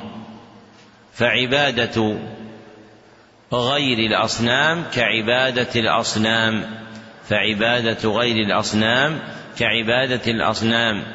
والنكير على من عبد غير الأصنام كالنكير على من عبد الأصنام. نعم. قال رحمه الله فإن قال الكفار يريدون منهم النفع والضر وأنا أشهد أن الله هو النافع الضار المدبر لا أريد إلا منه والصالحون ليس لهم من الأمر شيء ولكن أقصدهم أرجو من الله شفاعتهم. فالجواب أن هذا قول الكفار سواء بسواء فاقرأ عليه قوله تعالى والذين اتخذوا من دونه أولياء ما نعبدهم إلا ليقربونا إلى الله زلفى وقوله تعالى ويقولون هؤلاء شفعاؤنا عند الله واعلم أن هذه الشبه الثلاث هي أكبر ما عندهم فإذا عرفت أن الله وضحها في كتابه وفهمتها فهما جيدا فما بعدها أيسر منها. ذكر المصنف رحمه الله في هذه الجملة شبهتهم الثالثة وهي قولهم الكفار يريدون منهم وأنا أشهد أن الله هو النافع الضار المدبر لا أريد إلا منه. والصالحون ليس لهم من الأمر شيء ولكن أقصدهم أرجو من الله تعالى شفاعتهم. والجواب عن هذه الشبهة من وجهين. والجواب عن هذه الشبهة من وجهين. أحدهما أن هذه الدعوة هي دعوى المشركين الذين أكفرهم النبي صلى الله عليه وسلم وقاتلهم. أن هذه الدعوى هي دعوى المشركين الذين أكفرهم النبي صلى الله عليه وسلم وقاتلهم فإنهم كانوا يزعمون أنهم اتخذوهم شفعاء عند الله فإنهم كانوا يزعمون أنهم اتخذوهم شفعاء عند الله. كزعمكم الذي تزعمون كزعمكم الذي تزعمون. والآخر أن الشفاعة ملك محض لله تعالى. أن الشفاعة ملك محض لله تعالى. قال الله تعالى قل لله الشفاعة جميعا. قال الله تعالى قل لله الشفاعة جميعا. فلا تطلب الشفاعة من غيره لأنه لا يملكها. فلا تطلب الشفاعة من غيره لأنه لا يملكها. ومن سأل نبيا أو وليا أو ملكا الشفاعة فقد سأله شيئا لا يملكه فقد سأله شيئا لا يملكه. نعم. أحسن الله إليكم. قال رحمه الله فإن قال أنا لا أعبد إلا الله وهذا الالتجاء إليهم ودعاؤهم ليس بعبادة. فقل له أنت تقر أن الله فرض عليك إخلاص العبادة وهو حقه عليك. فإذا قال نعم فقل له بين لي هذا الفرض الذي فرضه الله عليك وهو إخلاص العبادة لله وهو حقه عليك. فإنه لا يعرف العبادة ولا يعرف أنواعها فبينها له بقولك. قال الله تعالى ادعوا ربكم تضرعا وخفية فإذا أعلمته بهذا فقل له هل هو عبادة لله؟ فلا بد أن يقول نعم والدعاء من العبادة. فقل له إذا أقررت أنه عبادة ودعوت الله ليلا ونهارا خوفا وطمعا ثم دعوت في تلك الحاجة نبيا أو غيره هل أشركت في عبادة الله غيره؟ فلا بد أن يقول نعم. فقل له قال الله تعالى فصل لربك وانحر. فإذا أطعت الله ونحرت له هل هذه عبادة؟ فلا بد أن يقول نعم. فقل له إذا نحرت لمخلوق نبي أو جني أو غيرهما هل أشركت في هذه العبادة غير الله؟ فلا بد أن يقر ويقول نعم. وقل له أيضا المشركون الذين نزل فيهم القرآن هل كانوا يعبدون الملائكة والصالحين واللات وغير ذلك؟ فلا بد أن يقول نعم فقل له وهل كانت عبادتهم إياهم إلا في الدعاء والذبح والالتجاء ونحو ذلك؟ وإلا فهم مقرون أنهم عبيد تحت قهر الله وأن الله هو الذي يدبر الأمر ولكن دعوهم والتجأوا إليهم للجاه والشفاعة وهذا ظاهر جدا. ذكر المصنف رحمه الله شبهة أخرى لهم وهي أن بعضهم يقول أنا لا أعبد إلا الله وهي أن بعضهم يقول أنا لا أعبد إلا الله وهذا الالتجاء إلى الصالحين ودعاؤهم ليس عبادة وهذا الالتجاء وهذا الدعاء والالتجاء إلى الصالحين ليس عبادة. ثم ذكر رحمه الله تعالى ما يبطل ذلك مرتبا له في أربعة منازل. ثم ذكر رحمه الله ما يبطل ذلك مرتبا له في أربعة منازل. أولها تقرير المشبه بأن الله أمره بالعبادة. تقرير المشبه بأن الله أمره بالعبادة.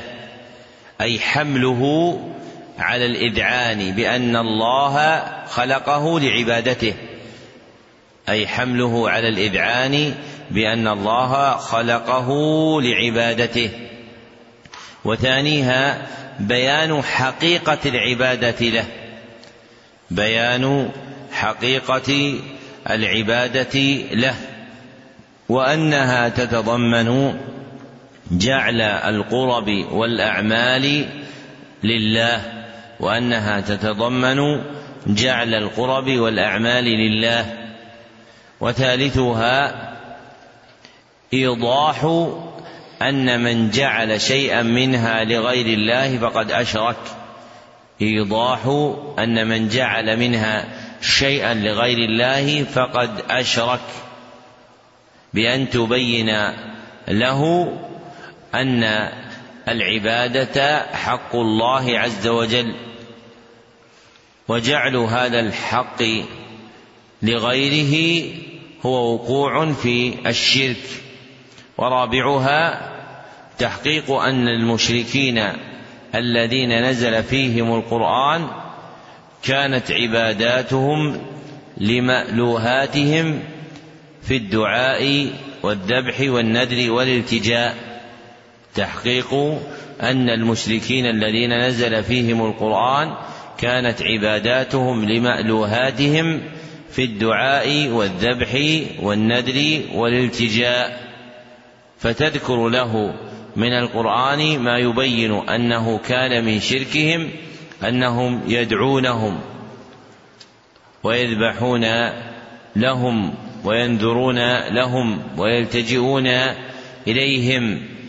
ليعرف أن ما هو عليه موافق ما كانوا عليه.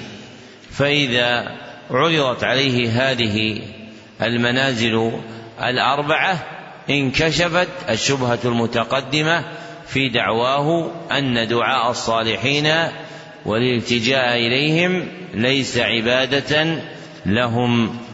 نعم. أحسن الله إليكم قال رحمه الله. فإن قال أتنكر شفاعة رسول الله صلى الله عليه وسلم وتبرأ منها فقل لا أنكرها ولا أتبرأ منها بل هو صلى الله عليه وسلم الشافع المشفع في المحشر وأرجو شفاعته ولكن الشفاعة لله ولكن الشفاعة كلها لله كما قال تعالى قل لله الشفاعة جميعا ولا تكون إلا بعد إذن الله كما قال تعالى من ذا الذي يشفع عنده إلا بإذنه ولا يشفع في أحد إلا بعد أن يأذن الله فيه ولا يأذن إلا لأهل التوحيد والإخلاص كما قال تعالى ولا يشفعون إلا لمن ارتضى وهو لا يرضى إلا التوحيد كما قال تعالى ومن يبتغ غير الإسلام دينا فلن يقبل منه وهو في الآخرة من الخاسرين فإذا كانت الشفاعة كلها لله ولا تكون إلا بعد إذنه ولا يشفع النبي صلى الله عليه وسلم ولا غيره في أحد حتى يأذن الله فيه ولا يأذن إلا لأهل التوحيد. تبين أن الشفاعة كلها لله وأنا أطلبها منه. فأقول اللهم لا تحرمني شفاعته اللهم شفعه في وأمثال هذا. ذكر المصنف رحمه الله من الدعاوى التي يتعلق بها المشبهون في توحيد العبادة زعمهم أن من يأمرهم بتوحيد الله عز وجل في الالتجاء ينكر شفاعة النبي صلى الله عليه وسلم. وأهل السنة والجماعة لا ينكرون شفاعة النبي صلى الله عليه وسلم بل يقرون بما له من الشفاعات العظمى التي آتاه الله عز وجل إياها وأن منها ما اختص به صلى الله عليه وسلم دون غيره من الخلق كما تقدم في شرح العقيدة الواسطية. لكن هذه الشفاعات ليست ملكا له صلى الله عليه وسلم بل هي ملك لله عز وجل. والله عز وجل هو الذي يؤتيها النبي صلى الله عليه وسلم اكراما له. والله عز وجل الذي آتاها محمدا صلى الله عليه وسلم أخبرنا أن الشفاعة له وحده فقال قل لله الشفاعة جميعا فالشفاعة له سبحانه وتعالى. ولم يأذن لنا أن نسألها من محمد صلى الله عليه وسلم فلا يجوز لنا أن ندعوه صلى الله عليه وسلم أن يشفع لنا. ولكننا ندعو الله سبحانه وتعالى أن يشفع فينا نبيه. فنحن ندعو من يملك هذه الشفاعة ونجعل وسيلتنا إلى إصابة شفاعته صلى الله عليه وسلم أن ندعو الله سبحانه وتعالى بالفوز بها كما ذكر المصنف رحمه الله تعالى فيسأل الله العبد شفاعة نبيه صلى الله عليه وسلم. نعم. أحسن الله إليكم قال رحمه الله. فإن قال النبي صلى الله عليه وسلم أعطي الشفاعة وأنا أطلبه مما أعطاه الله. فالجواب أن الله أعطاه الشفاعة. ونهاك أن تدعو معه أحدا. وقال تعالى فلا تدعوا مع الله أحدا. وطلبك من الله شفاعة نبيه صلى الله عليه وسلم عبادة. والله نهاك أن تشرك في هذه العبادة أحدا. فإذا كنت تدعو الله أن تشفعه فيك فأطعه في قوله فلا تدعوا مع الله أحدا.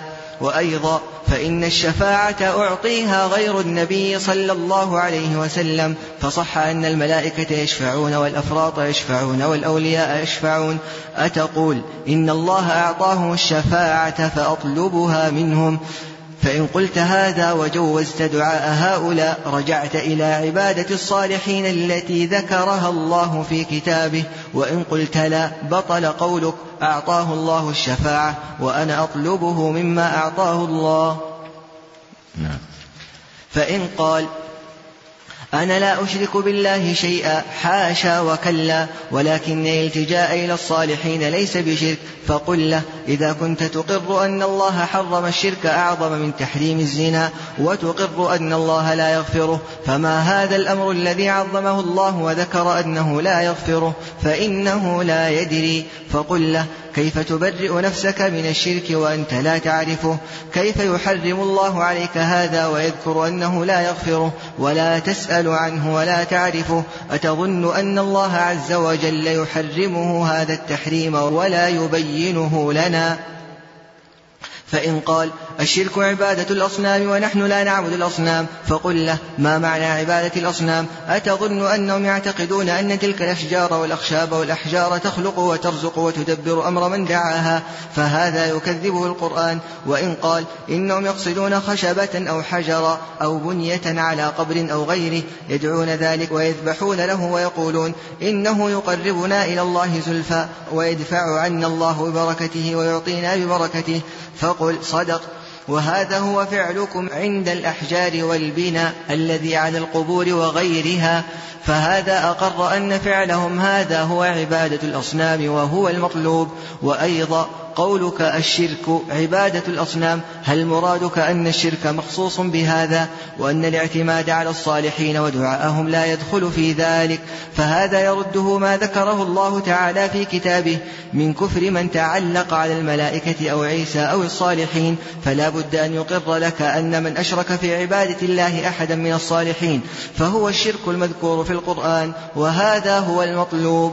ذكر المصنف رحمه الله في كلامه المتقدم حججا تبطل تعلق المتعلقين بدعوى شفاعة النبي صلى الله عليه وسلم فإنهم إذا ادعوا أن النبي صلى الله عليه وسلم أعطي الشفاعة وأن داعيه يطلب مما أعطاه الله عز وجل فالجواب عن ذلك من وجهين فالجواب عن ذلك من وجهين. الأول أن ما ذكرته من إعطاء الله نبيه الشفاعة حق.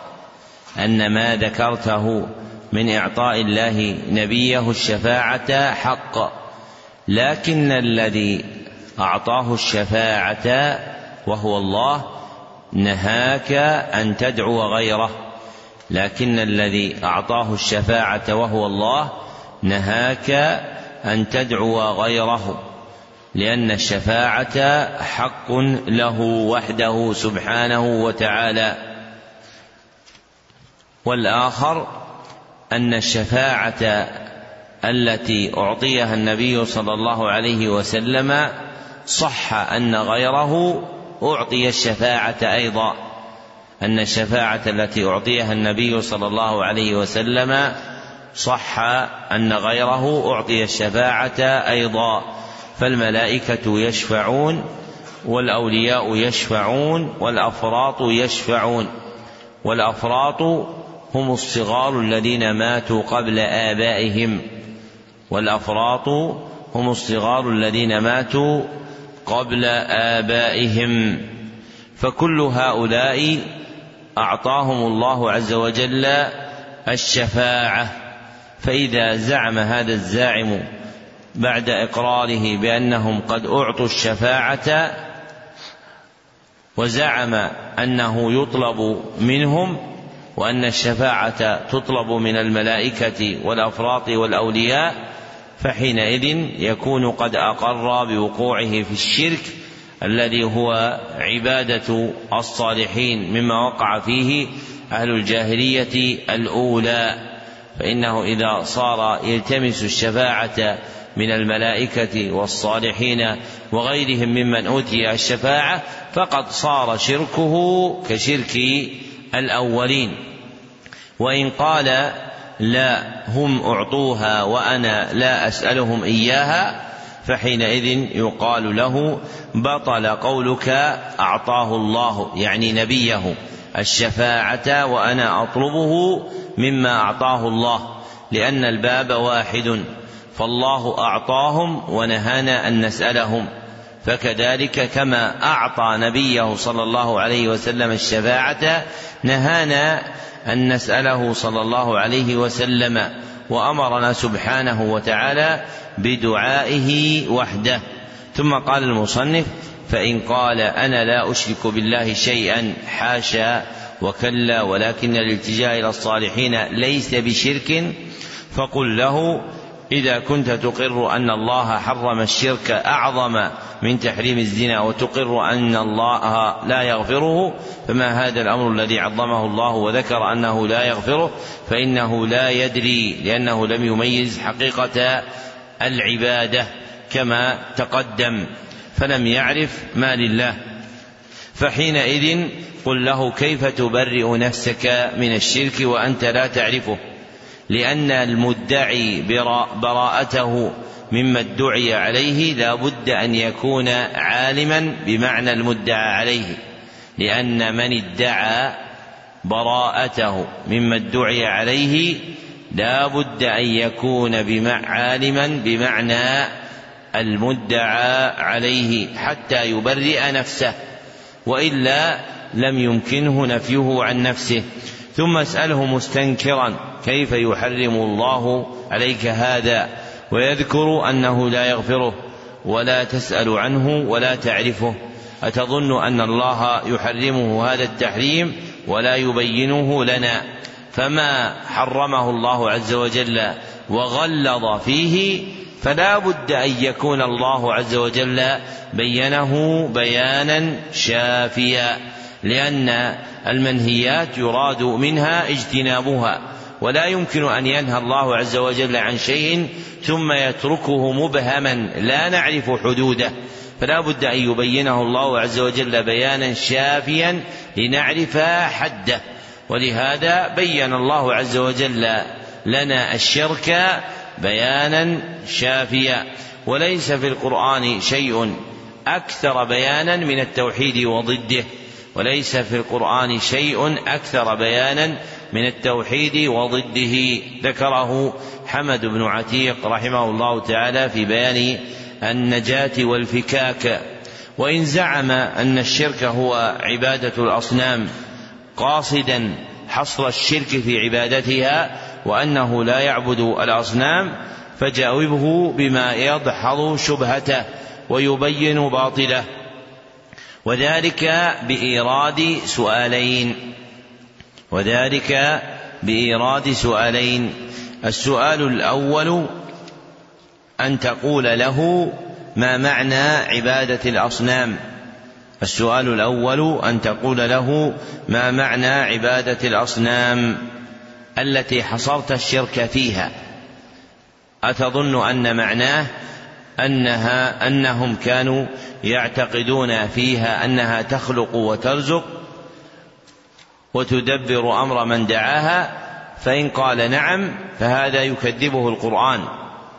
لأن المشركين لم يكونوا يعتقدون ذلك بل كانوا يعتقدون أن الخالق الرازق المدبر هو الله سبحانه وتعالى. وإن قال مخبرا عن الشرك الواقع في الأصنام هو من قصد خشبة أو حجرا أو بنية على قبر يعني بناء مرفوعا على قبر يدعون ذلك ويذبحون له ويقولون إنه يقربنا إلى الله زلفى ويدفع الله عنا ببركته ويعطينا ببركته فهذا تفسير لعبادة الأصنام فقل له صدقت. فإن هذا هو تفسير عبادة الأصنام التي كانوا يفعلونها بما يعتقدون فيها من قدرة على الضر والنفع بما لها من بركة وسر كما يزعمون. وهذا هو الواقع منكم فإنكم تفعلون ما تفعلون عند القبور والمشاهد ابتغاء بركتها ورجاء منفعتها. والسؤال الآخر أن يقال له والسؤال الآخر أن يقال له قولك الشرك عبادة الأصنام؟ هل مرادك أن الشرك مخصوص بهذا؟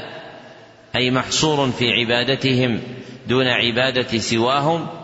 وأن الاعتماد على الصالحين والأنبياء والأولياء أي التعلق بهم ودعاءهم لا يدخل في ذلك فلا يكون شركا فإذا كان كذلك فهذا أمر باطل فإذا ادعى ذلك فهذا أمر باطل يرده ويبطله ما ذكره الله عز وجل من كفر من تعلق بالأنبياء والملائكة والصالحين. فإن الله بين في القرآن بيانا شافيا أن من تعلق بهم ودعاهم ورجاهم أنه مشرك. وهذا هو المطلوب حصول إقراره به. نعم. أحسن الله إليكم. قال رحمه الله وسر المسألة أنه إذا قال أنا لا أشرك بالله شيئا فقل له وما الشرك بالله فسره لي. فإن قال هو عبادة الأصنام فقل له وما عبادة الأصنام فسرها لي. وإن قال أنا لا أعبد إلا الله فقل ما معنى عبادة الله وحده لا شريك له فسرها لي. فإن فسرها بما بينته فهو المطلوب. وإن لم يعرفه فكيف يدعي شيئا وهو لا يعرفه؟ وإن فسرها بغير معناها بينت له الآيات الواضحات في معنى الشرك بالله وعبادة الأوثان أنه الذي يفعلونه في هذا الزمان بعينه وأن عبادة الله وحده لا شريك له هي التي ينكرون علينا ويصيحون منه كما صاح إخوانهم حيث قالوا أجعل الآلهة إلها واحدا إن هذا لشيء عجاب. بين المصنف رحمه الله بعدما تقدم سر المسألة أي الأصل الذي يجمعها وترجع إليه أي الأصل الذي يجمعها وترجع إليه.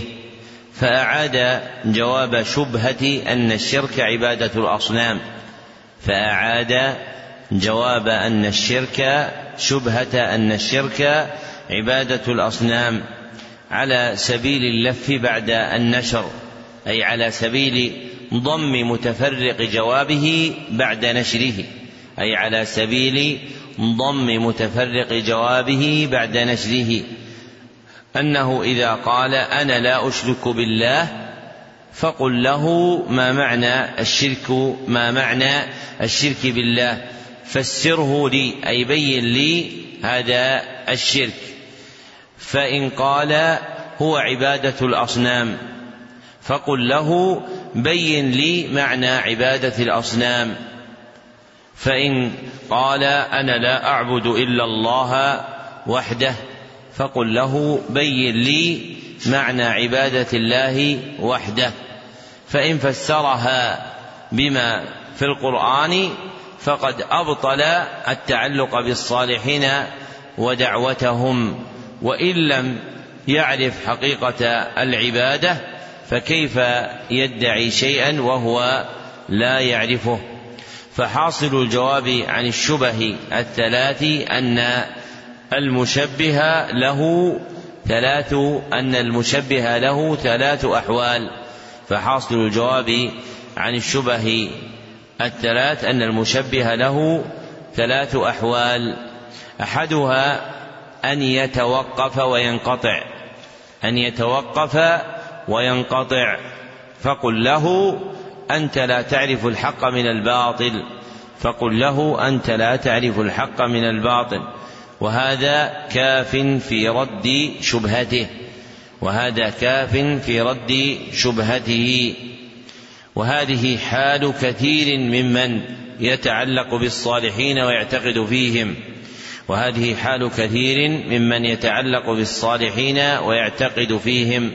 فإنه لا يدري حقيقة الشرك ويظن أنه عبادة الأصنام فقط فينقطع عن معرفة حقيقة العبادة وإفراد الله بها وثانيها أن يفسرها بما فسره الله في القرآن أن يفسرها بما فسرها الله في القرآن وهذا قد كفانا مؤنته.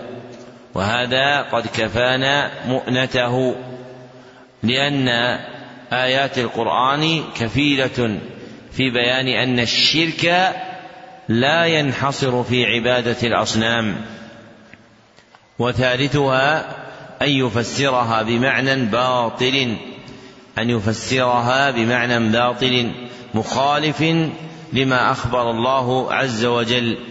فتبين له الآيات الواضحات في معنى الشرك بالله وعبادة الأوثان وأنه هو الذي يفعلونه في هذا الزمان بعينه وأن عبادة الله تعالى هي توحيده وأن عبادة الله عز وجل هي توحيده بأن تجعل جميع عملك لله وهي دعوة الحق التي كانوا ينكرونها على المصنف رحمه الله تعالى ويصيحون به وبمن معه كما صاح الأولون في إنكار التوحيد لما دعاهم النبي صلى الله عليه وسلم فقالوا أجعل الآلهة إلها واحدا إن هذا لشيء عجاب.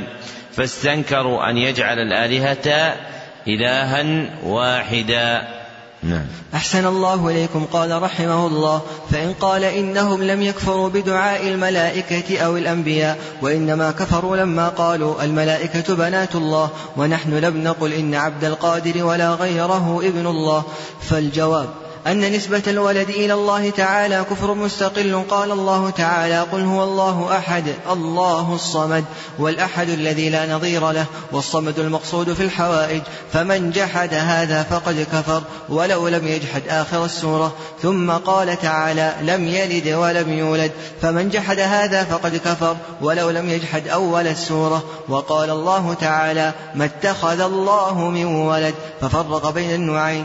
وجعل كل منهما كفرا مستقلا وقال الله تعالى وجعلوا لله شركاء الجن ففرق بين الكفرين والدليل على هذا أيضا أن الذين كفروا بدعاء اللات مع كونه رجلا صالحا لم يجعلوه ابن الله والذين كفروا بعبادة الجن لم يجعلوهم كذلك وكذلك العلماء أيضا في جميع المذاهب الأربعة يذكرون في باب حكم المرتد أن المسلم إذا زعم أن لله ولدا فهو مرتد وإن أشرك بالله فهو مرتد فيفرقون بين النوعين وهذا في غاية الوضوح.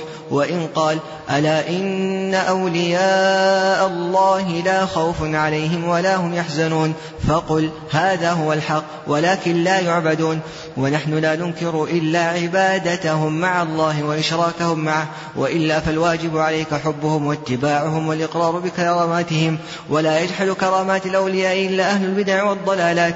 ودين الله وسط بين طرفين وهدى بين ضلالتين وحق بين باطلين. ذكر المصنف رحمه الله من مماحلات المشبهين ومقالات المبطلين زعمهم أن مشرك العرب لم يكفروا بدعاء الملائكة والأنبياء وإنما كفروا بقولهم الملائكة بنات الله وأن هؤلاء المتأخرين لا يقولون إن عبد القادر ولا غيره من الصالحين ابن لله عز وجل فكيف يكفرون؟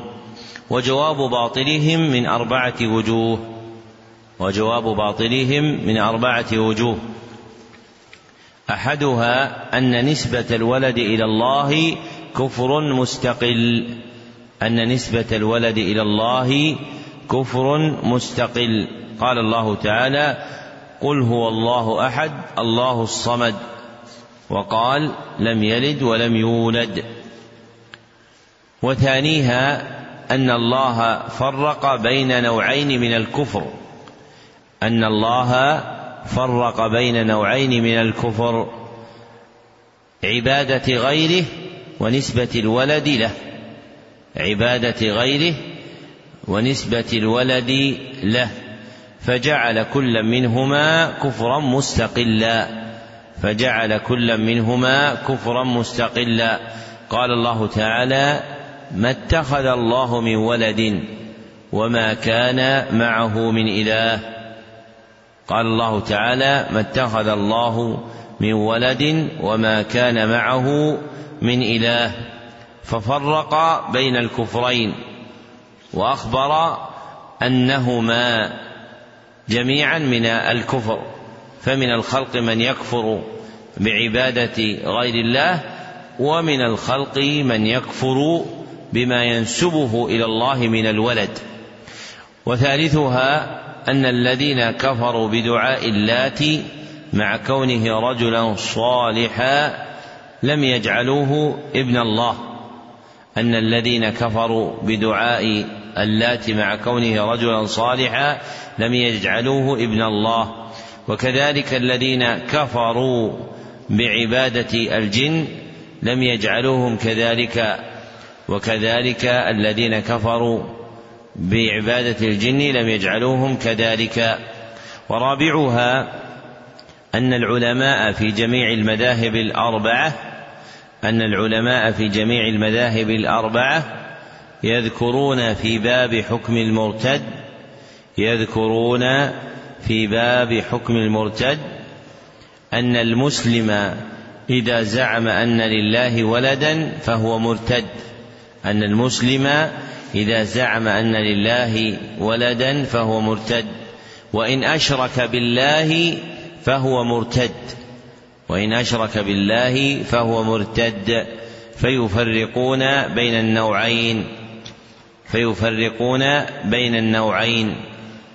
ثم ذكر المصنف رحمه الله تعالى من مماحلاتهم وتشبيههم بالباطل أنهم يقولون أيضا ألا إن أولياء الله لا خوف عليهم ولا هم يحزنون تعريضا بما لهم من مقام كريم. وأن الله عز وجل خصهم بما خصهم به. ويقال في الرد على هذه المماحلة إن هذا هو الحق. إن هذا هو الحق. فالله عز وجل جعل لهم مقاما لكنهم لا يرفعون فوقه فيعبدون. فإن الله قد جعل لهم مقاما لكنهم لا يرفعون فوقه فيعبدون ولا يخفضون دونه فيهضمون ولا يخفضون دونه فيهضمون والمنكر الباطل عبادتهم مع الله والمنكر الباطل عبادتهم مع الله وإشراكهم معه والمعروف الحق حبهم واتباعهم والإقرار بكراماتهم ولا يجحد كرامات الأولياء إلا أهل البدع والضلالات فبهذا يحفظ حق الله وحقهم فبهذا يحفظ حق الله وحقهم. والأمر كما ذكر المصنف أن دين الله وسط بين طرفين وهدى بين ضلالتين وحق بين باطلين وهو من جواهر كلامه رحمه الله.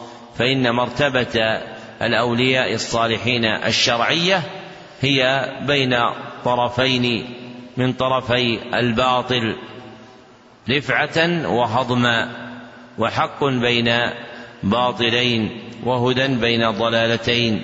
نعم. أحسن الله إليكم قال رحمه الله. فإذا عرفت أن هذا الذي يسميه المشركون في زماننا الاعتقاد هو الشرك الذي أنزل فيه القرآن وقاتل رسول الله صلى الله عليه وسلم الناس عليه فاعلم أن شرك الأولين أخف من شرك أهل وقتنا بأمرين. أحدهما أن الأولين لا يشركون ولا يدعون الملائكة أو الأولياء أو الأوثان إلا مع الله مع الله إلا في الرخاء أو ما في الشدة فيخلصون الدين لله. كما قال تعالى فإذا ركبوا في الفلك دعوا الله مخلصين له الدين فلما نجاهم إلى البر إذا هم يشركون وقال تعالى وإذا مسكم الضر في البحر ضل من تدعون إلا إياه. وقال تعالى قل أرأيتكم إن أتاكم عذاب الله أو أتتكم الساعة أغير الله تدعون؟ إلى قوله ما تشركون. وقال تعالى وإذا مس الإنسان ضر دعا ربه منيبا إليه ثم إذا خوله نعمة منه نسي ما كان يدعو إليه من قبل الآية وقال تعالى وإذا غشيهم موج كالظلل فمن فهم هذه المسألة التي وضحها الله في كتابه وهي أن المشركين الذين قاتلهم رسول الله صلى الله عليه وسلم يدعون الله ويدعون غيره في الرخاء وأما في الشدة فلا يدعون إلا الله وحده لا شريك له وينسون ساداتهم تبين له الفرق بين شرك أهل زماننا وشرك الأولين ولكن أين من يفهم قلبه؟ هذه المسألة فهما راسخا. والله المستعان. والأمر الثاني أن الأولين يدعون مع الله أناسا مقربين عند الله إما نبيا وإما وليا وإما ملائكة أو يدعون أحجارا وأشجارا مطيعة لله تعالى ليست بعاصية. وأهل زماننا يدعون مع الله أناسا من أفسق الناس والذين يدعونهم هم الذين يحكون عنهم الفجور من الزنا والسرقة وترك الصلاة وغير ذلك والذي يعتقد في الصالح والذي لا يعصي مثل الخشب والحجر أهون ممن يعتقد في من يشاهد فسقه وفساده ويشهد به. ذكر المصنف رحمه الله تعالى أن العبد إذا عرف أن هذا الذي يسميه المشركون في زماننا الاعتقاد وهو تأله قلوبهم لمعظميهم من الخلق أنه هو الشرك الذي أنزل الله فيه القرآن وقاتل عليه النبي صلى الله عليه وسلم الناس فإن هناك فرقين عظيمين بين شرك الأولين وشرك المتأخرين. تجعلان شرك المتأخرين أغلظ من شرك المتقدمين. فالفرق الأول أن الأولين يشركون في الرخاء أن الأولين كانوا يشركون في الرخاء ويخلصون في الشدة. أما المشركون المتأخرون فإنهم يفزعون إلى معظميهم في الرخاء والشدة فهم يشركون بالله في رخائهم وشدتهم. وقد جعل المصنف هذا الفرق القاعدة الرابعة من القواعد الأربع.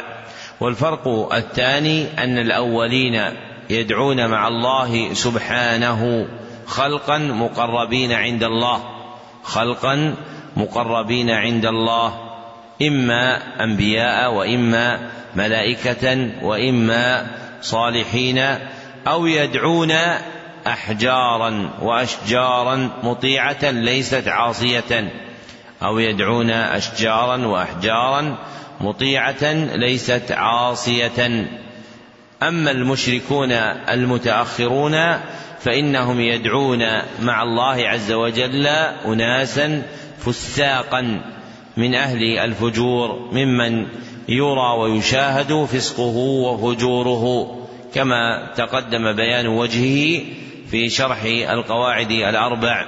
وذكرنا هناك أن الأدلة الشرعية والوقائع التاريخية القدرية تدل على أن شرك المتأخرين أغلظ من شرك الأولين من عشرة وجوه. فتممنا هذين الوجهين بثمانية أوجه تبين الفرق بين شرك أهل زماننا وشرك الأولين.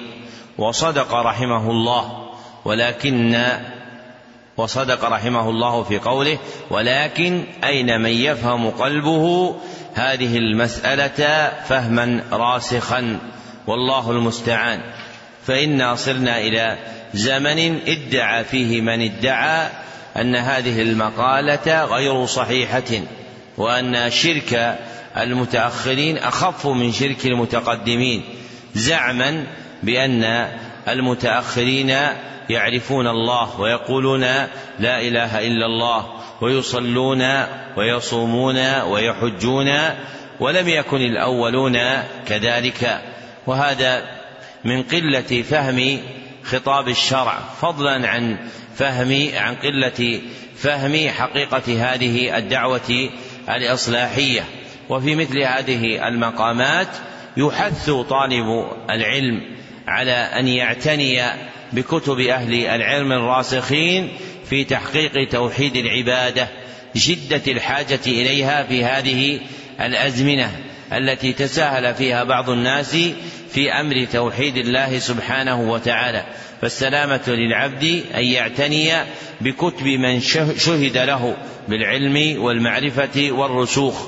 وأعظم من ذلك أن يعتني بما في القرآن والسنة من بيان أمر توحيد الله والشرك به. فإن قلبه إذا ملي بعلم الكتاب والسنة في هذين الأصلين العظيمين زاده ثباتا ورسوخا في تمييز الحق من الباطل. نعم.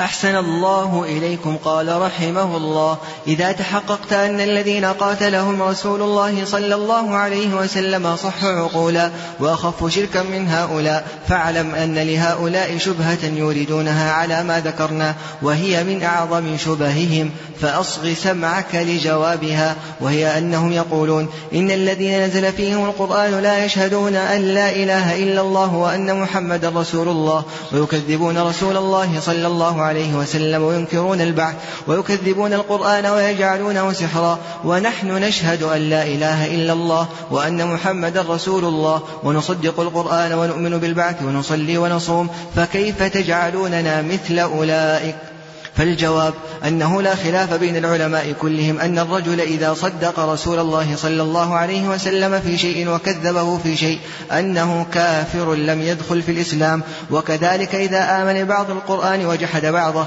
كمن أقر بالتوحيد وجحد وجوب الصلاة أو أقر بالتوحيد والصلاة وجحد وجوب الزكاة أو أقر بهذا كله وجحد وجوب الصوم أو أقر بهذا كله وجحد وجوب الحج. ولما لم ينقد أناس في زمن النبي صلى الله عليه وسلم للحج أنزل الله تعالى في حقهم ولله على الناس حج البيت من استطاع إليه سبيلا ومن كفر فإن الله غني عن العالمين. ومن أقر بهذا كله وجحد البعث كفر بالإجماع وحل دمه وماله كما قال تعالى إن الذين يكفرون بالله ورسله ويريدون أن يفرقوا بين الله ورسله. فإذا كان الله تعالى قد صرح في كتابه أن من آل ببعض وكفر ببعض فهو كافر حقا زالت هذه الشبهة. وهذه هي التي ذكرها بعض أهل الأحساء في كتابه الذي أرسل إلينا. ويقال إذا كنت تقر أن من صدق الرسول صلى الله عليه وسلم في كل شيء وجحد وجوب الصلاة فهو كافر حلال الدم والمال بالإجماع وكذلك إذا أقر بكل شيء إلا البعث وكذلك لو جحد وجوب صوم رمضان وصدق بذلك كله لا يجحد هذا ولا تختلف المذاهب فيه وقد نطق به القرآن كما قدمنا فمعلوم أن التوحيد هو أعظم فريضة جاء بها النبي صلى الله عليه وسلم وهو من الصلاة والزكاة والصوم والحج فكيف إذا جحد الإنسان شيئا من هذه الأمور؟ كفر. ولو عمل بكل ما جاء به الرسول صلى الله عليه وسلم وإذا جحد التوحيد الذي هو دين الرسل كلهم لا يكفر. سبحان الله ما أعجب هذا الجهل. ويقال أيضا لهؤلاء أصحاب رسول الله صلى الله عليه وسلم قاتلوا بني حنيفة وقد أسلموا مع النبي صلى الله عليه وسلم وهم يشهدون أن لا إله إلا الله وأن محمدا عبده ورسوله ويصلون ويؤذنون فإن قال إنهم يشهدون أن مسيلمة نبي قلنا هذا هو المطلوب. إذا كان من رفع رجلا في رتبة النبي صلى الله عليه وسلم كفر وحل, ماله ودمه ولم تنفعه الشهادتان ولا الصلاة فكيف بمن رفع شمسان أو يوسف أو صحابيا أو نبيا أو غيرهم في مرتبة جبار السماوات والأرض؟ سبحانه ما أعظم شأنه.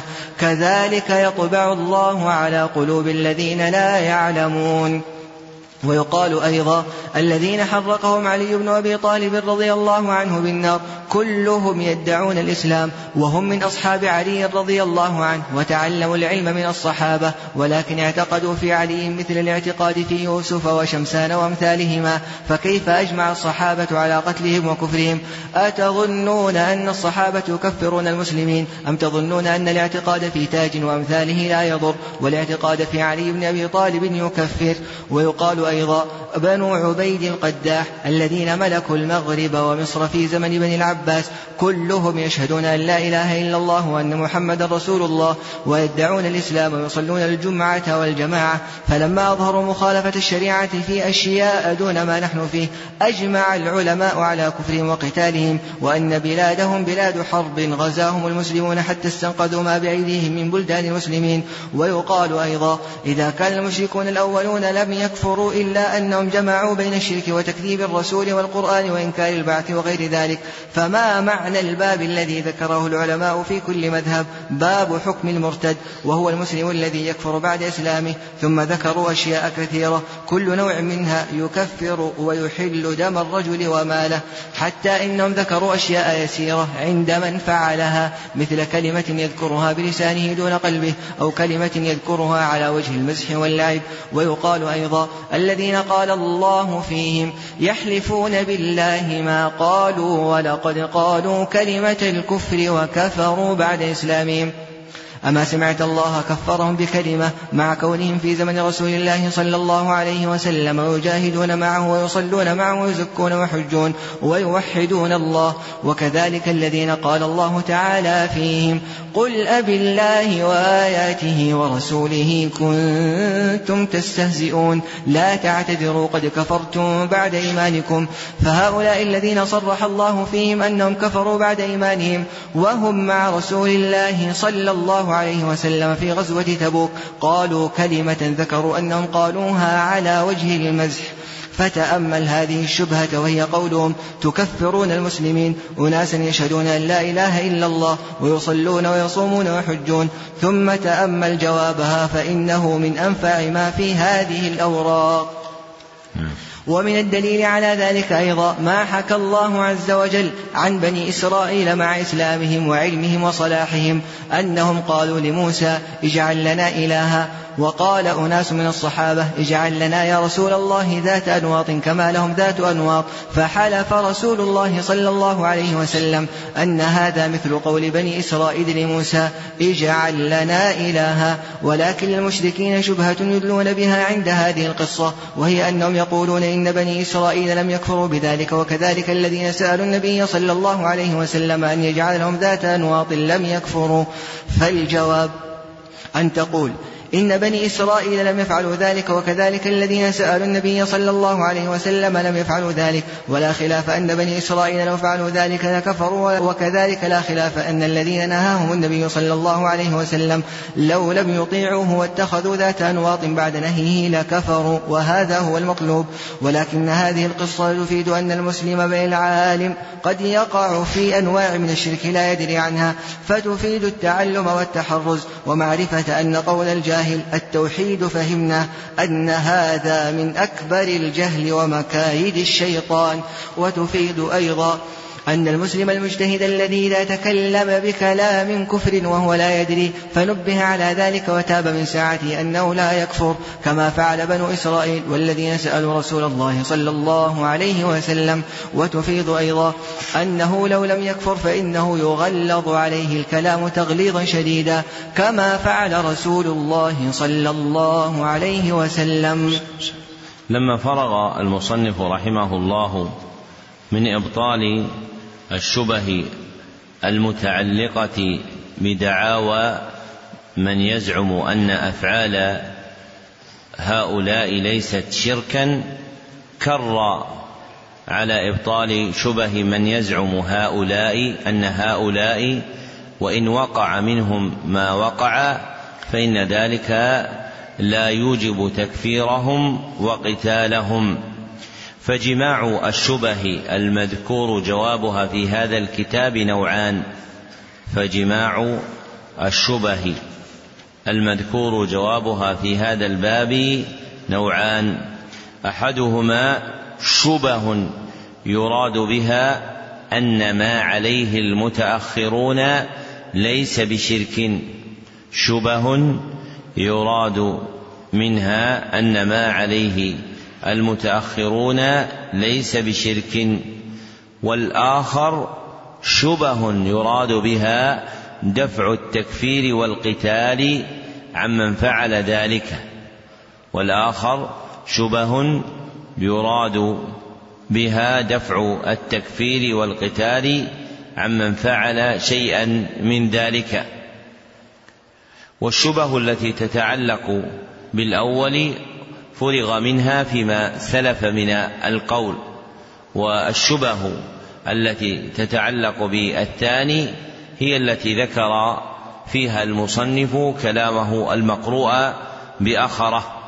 والقائلون بأن هذه الأفعال وإن كانت شركا وكفرا لا تقتضي تكفير الواقعين فيها يتذرعون بأن هؤلاء يشهدون أن لا إله إلا الله وأن محمدا رسول الله صلى الله عليه وسلم ويصلون ويصومون. فهذه الأفعال التي وقعت منهم أفعال تخالف الشريعة لكنها لا توجب التكفير والقتال. ورد المصنف رحمه الله تعالى عليهم مقالتهم هذه من ثمانية وجوه. ورد عليهم المصنف مقالتهم هذه من ثمانية وجوه. فالوجه الأول هو أن من آمن ببعض الأحكام وكفر ببعضها أن من آمن ببعض أحكام الشرع وكفر ببعضها عد كافرا عد كافرا بها جميعا عد كافرا بها جميعا. كمن أقر بالصلاة وأنكر الصيام أو أقر بالحج وأنكر الزكاة فإنه يكون كافرا بهذا الإنكار لأن دين الإسلام دين كامل لا يتبعض لأن دين الإسلام دين كامل لا يتبعض فمن صلى ولم يوحد الله فقد كفر. ومن زكى ولم يوحد الله فقد كفر ومن حج ولم يوحد الله فقد كفر. فإقراره وإيمانه ببعض الأحكام وإنكاره ببعضها بل بأعظمها وهو التوحيد لا يدفع عنه الكفر بل يكون كافرا بذلك. والوجه الثاني إطباق الصحابة إطباق العلماء وإجماعهم إطباق العلماء وإجماعهم ومنهم الصحابة على كفر من جاء على كفر من جاء ببعض أعمال الكفر والشرك وقتالهم على كفر من جاء ببعض أعمال الكفر والشرك وقتالهم. فهو استدلال بالإجماع العملي فهو استدلال بالإجماع العملي الذي وقع من الصحابة رضي الله عنه رضي الله عنهم وتتابع عليه العلماء في وقائع عدة. ذكر المصنف رحمه الله تعالى منها ثلاث وقائع. وتتابع عليه العلماء في وقائع وتتابعوا عليه في وقائع عدة. ذكر المصنف منها ثلاث وقائع. فالواقعة الأولى واقعة الصحابة مع أبي مع بني حنيفة. واقعة الصحابة مع بني حنيفة. المعتقدين أن مسيلمة رسول الله. المعتقدين أن مسيلمة رسول الله. فإنهم كانوا يقولون لا إله إلا الله محمد رسول الله. فإنهم كانوا يقولون لا إله إلا الله محمد رسول الله. لكنهم يزيدون ومسيلمة رسول الله. لكنهم يزيدون ومسيلمة رسول الله. وثانيها ما وقع من علي رضي الله عنه. ما وقع من علي رضي الله عنه من تكفير الغالين فيه. من تكفير الغالين فيه. الزاعمين أنه هو الله. الزاعمين أنه هو الله. فحرقهم علي رضي الله عنه وأطبق الصحابة على تكفيرهم وأقبل الصحابة على تكفيرهم وإن عاب بعضهم على علي تحريقهم وإن عاب بعضهم على علي تحريقهم فكان يرى أن حقهم قتلهم بالسيف فكان يرى أن حقهم قتلهم بالسيف كما ثبت هذا عن ابن عباس رضي الله عنه. والواقعة الثالثة ما وقع في عهد بني العباس لما ظهر العبيديون لما ظهر العبيديون المتسمون بالفاطميين فكفرهم العلماء فكفرهم العلماء لما كانوا عليه من أعمال كفر وأجمعوا على كفرهم وأجمعوا على كفرهم. نقله القاضي عياض اليحصبي وغيره. نقله القاضي عياض اليحصبي وغيره وهذا كله إجماع على أن من وقع في بعض أعمال الكفر فإنه يكفر ويقاتل عليه.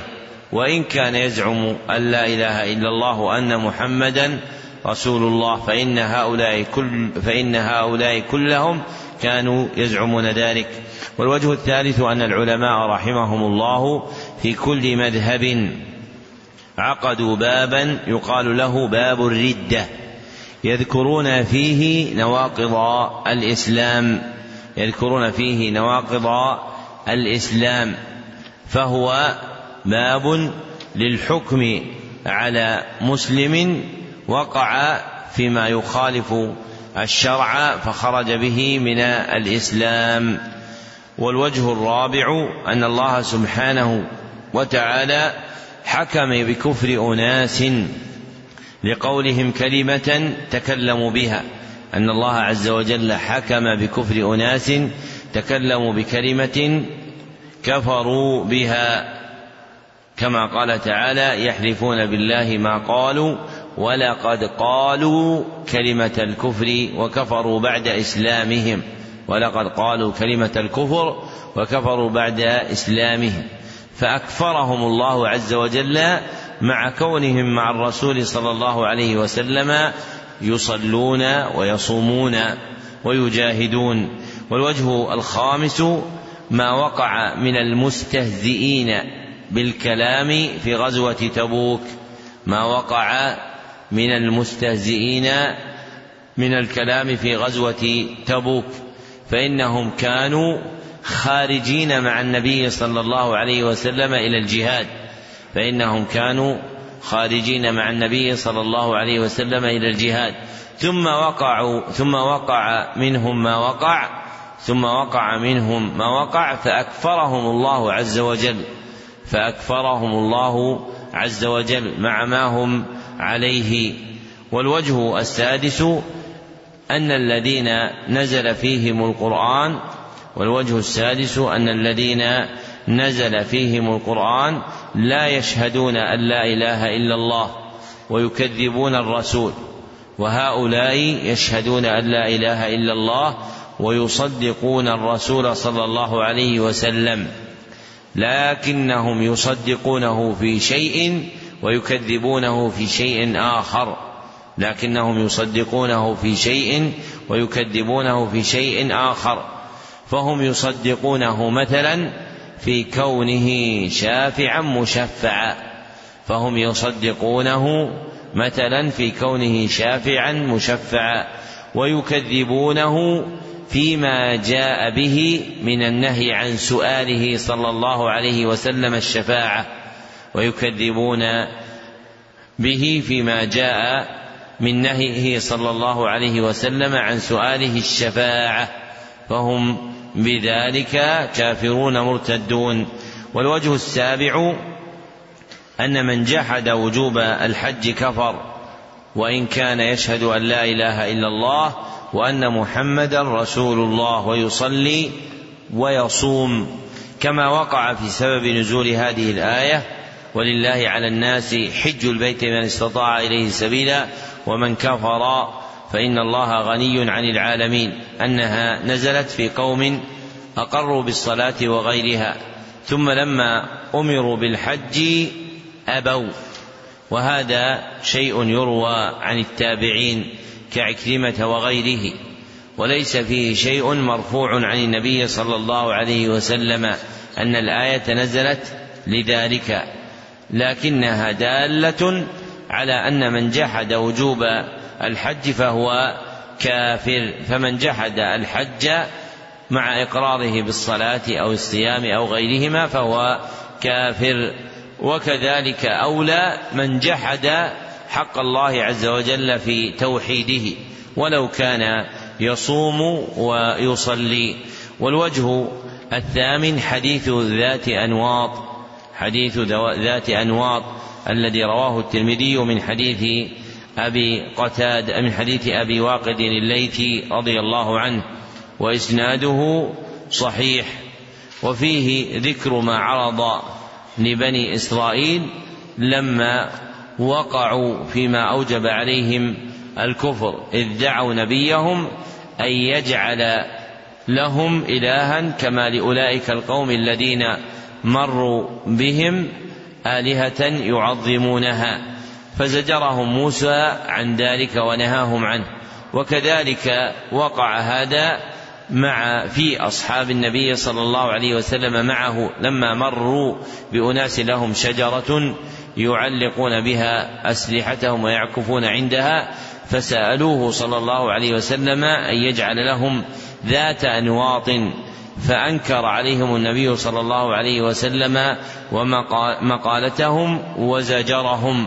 فلما كفت الطائفتان فلما كفت الطائفتان عن ذلك لم يكفروا ولو أنهم لم يستجيبوا نهي النبيين الكريمين لوقعوا في الكفر. ثم ذكر المصنف رحمه الله ثلاث فوائد من قصة ذات أنواط. ثم ذكر المصنف رحمه الله تعالى ثلاث فوائد من قصة ذات أنواط. أولها الحذر من الشرك. أولها الحذر من الشرك. وتقدم في تراجم كتاب التوحيد قول المصنف باب الخوف من الشرك. وثانيها الإعلام بأن العبد الإعلام بأن العبد إذا وقع منه شيء من أقوال الكفر وأعماله ثم نبه وتاب من ساعته فإنه لا يكفر. وثانيها الإعلام بأن العبد إذا وقع منه شيء من أقوال الكفر وأعماله ثم نبه عليه وتاب من ساعته فإنه لا يكفر.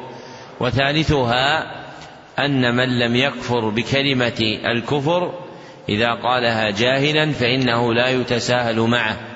أن من لم يكفر بكلمة الكفر إذا قالها جاهلا لا يتساهل معه بل يغلظ عليه في الإنكار بل يغلظ عليه في الإنكار كما غلظ موسى عليه السلام على قومه وكما غلظ النبي صلى الله عليه وسلم على أصحابه.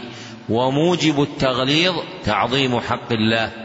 وموجب التغليظ تعظيم حق الله سبحانه وتعالى. فإذا انتهك حق الله في توحيده فإن من أعظم ما يحفظ به ويدفع الشبه عن القلوب أن يغلظ على الواقع فيه وأن ينكر عليه إنكارا شديدا. نعم. أحسن الله إليكم قال رحمه الله. وللمشركين شبهة أخرى وهي أنهم يقولون إن النبي صلى الله عليه وسلم أنكر على أسامة رضي الله عنه قتل من قال لا إله إلا الله وقال أقتلته بعد ما قال لا إله إلا الله. وكذلك قوله أمرت أن أقاتل الناس حتى يقولوا لا إله إلا الله. وكذلك أحاديث أخرى في الكف عمن قالها. ومراد هؤلاء الجهلة أن من قالها لا يكفر ولا يقتل ولو فعل ما فعل فيقال لهؤلاء الجهلة من المشركين. معلوم أن رسول الله صلى الله عليه وسلم قاتل اليهود وسباهم وهم يقولون لا إله إلا الله وأن أصحاب رسول الله صلى الله عليه وسلم قاتلوا بني حنيفة وهم يشهدون أن لا إله إلا الله وأن محمد رسول الله ويصلون ويدعون الإسلام. وكذلك الذين حرقهم علي بن أبي طالب رضي الله عنه بالنار. وهؤلاء الجهلة مقرون أن من أنكر البعث كفر وقتل ولو قال لا إله إلا الله وأن من أنكر شيئا من أركان الإسلام كفر وقتل ولو قالها فكيف لا تنفعه إذا جحد شيئا من هذه الفروع؟ وتنفعه إذا جحد التوحيد الذي هو أساس دين الرسل ورأسه ولكن أعداء الله ما فهموا معنى الأحاديث. فأما حديث أسامة رضي الله عنه فإنه قاتل رجل رد عن الإسلام بسبب أنه ظن أنه ما ادعاه إلا خوفا على دمه وماله والرجل إذا أظهر الإسلام وجب الكف عنه حتى يتبين منه ما يخالف ذلك وأنزل الله تعالى في ذلك يا أيها الذين آمنوا إذا ضربتم في سبيل الله فتبينوا الآية أي تثبتوا فالآية تدل على أنه يجب الكف عنه والتثبت فإن تبين منه بعد ذلك ما يخالف الإسلام قتل قوله فتبينوا ولو كان لا يقتل إذا قالها لم يكن للتثبت معنى. وكذلك الحديث الآخر وأمثاله معنى. ما ذكرت أن من أظهر الإسلام والتوحيد وجب الكف عنه إلا أن يتبين منه ما يناقض ذلك. والدليل على هذا أن رسول الله صلى الله عليه وسلم الذي قال أقتلته بعدما قال لا إله إلا الله وقال أمرت أن أقاتل الناس حتى يقولوا لا إله إلا الله هو الذي قال في الخوارج أينما لقيتموهم فاقتلوهم لئن أدركتهم لأقتلنهم قتل عاد مع كونهم من أكثر الناس عبادة تكبيرا وتهليلا حتى إن بعض الصحابة يحقرون أنفسهم عندهم وهم تعلموا العلم من الصحابة فلم تنفعهم لا إله إلا الله ولا كثرة العبادة العبادة ولا ادعاء الإسلام لما ظهر منهم مخالفة الشريعة. وكذلك ما ذكرنا من قتال اليهود وقتال الصحابة رضي الله عنهم بني حنيفة. وكذلك أراد النبي صلى الله عليه وسلم أن يغزو بني المصطلق لما أخبره رجل أنهم منعوا الزكاة حتى أنزل الله. يا أيها الذين آمنوا إن جاءكم فاسق بنبأ الآية. وكان الرجل كاذبا عليهم. فكل هذا يدل على أن مراد النبي صلى الله عليه وسلم في الأحاديث الأحاديث الواردة ما ذكرنا. ذكر المصنف رحمه الله شبهة من شبهات المانعين من القتال والتكفير لمن وقع في شيء من الكفر والشرك وهي أنهم يقولون إن النبي صلى الله عليه وسلم أنكر على أسامة رضي الله عنه قتل من قال لا إله إلا الله. وقال أقتلته بعدما قال لا إله إلا الله. وكذلك قوله أمرت أن أقاتل الناس حتى يقولوا لا إله إلا الله. وكذلك أحاديث أخر في الكف عن من قالها. ومرادهم أن من قالها لا يكفر ولا يقتل ولو فعل ما فعل. ومرادهم أن من قالها لا يقتل ولا يكفر ولو فعل ما فعل والجواب عن هذه الدعوة أن يقال إن معنى هذه الأحاديث هي أن من قال لا إله إلا الله ثبتت له عصمة الحال. أن من قال لا إله إلا الله ثبتت له عصمة الحال. فوجب الكف عنه حتى يظهر منه ما يخالف هذه الكلمة من كفر أو شرك فوجب الكف عنه حتى يظهر منه ما يخالف هذه الكلمة من كفر أو شرك. والعصمة التي تتعلق بالعبد نوعان والعصمة التي تتعلق بالعبد نوعان أحدهما عصمة الحال. أحدهما عصمة الحال ويكفي فيها قول لا إله إلا الله. فإذا قالها العبد ثبتت له عصمة دمه وماله والآخر عصمة المآل عصمة المآل وهي العصمة التي يثبت له التي تثبت له إذا التزم مقتضيات لا إله إلا الله وهي العصمة التي تثبت له إذا التزم مقتضيات لا إله إلا الله. فإن جاء بما يناقضها ارتفعت هذه العصمة. فإن جاء بما يناقضها ارتفعت هذه العصمة. ثم ذكر المصنف أربعة أدلة تدل على صحة فهم الأحاديث وفق ما تقدم. أولها ثم ذكر المصنف أربعة أدلة تدل على صحة فهم الأحاديث وفق ما تقدم. أولها أن النبي صلى الله عليه وسلم الذي قال أقتلته بعد ما قال لا إله إلا الله وقال أمرت أن أقاتل الناس حتى يقولوا لا إله إلا الله هو الذي أمر بقتال الخوارج. هو الذي أمر بقتال الخوارج. وهم يقولون لا إله إلا الله. وهم يقولون لا إله إلا الله. لكنهم لما فعلوا أشياء تخالف الإسلام أمر بقتالهم. لكنهم لما فعلوا أشياء تخالف الإسلام أمر بقتالهم. وثانيها ما تقدم من قتال النبي صلى الله عليه وسلم اليهود وهم يقولون لا إله إلا الله. ما تقدم من قتال النبي صلى الله عليه وسلم اليهود وهم يقولون لا إله إلا الله. وثالثها ما تقدم من قتال الصحابة رضي الله عنهم بني حنيفة أصحاب مسيلمة ما تقدم من قتال الصحابة رضي الله عنهم بني حنيفة أصحاب مسيلمة وهم يقولون لا إله إلا الله. ورابعها قصة بني المصطلق وهم قبيلة دخلوا الإسلام فأرسل إليهم النبي صلى الله عليه وسلم المصدق الذي يجبي زكاتهم يعني يجمع يعني يجمعها ليأتي بها النبي صلى الله عليه وسلم. ثم ذهب إليهم ورجع وقال إنهم منعوا الزكاة. فهم النبي صلى الله عليه وسلم بغزوهم فأنزل الله عز وجل عليه يا أيها الذين آمنوا إن جاءكم فاسق بنبأ. الآية.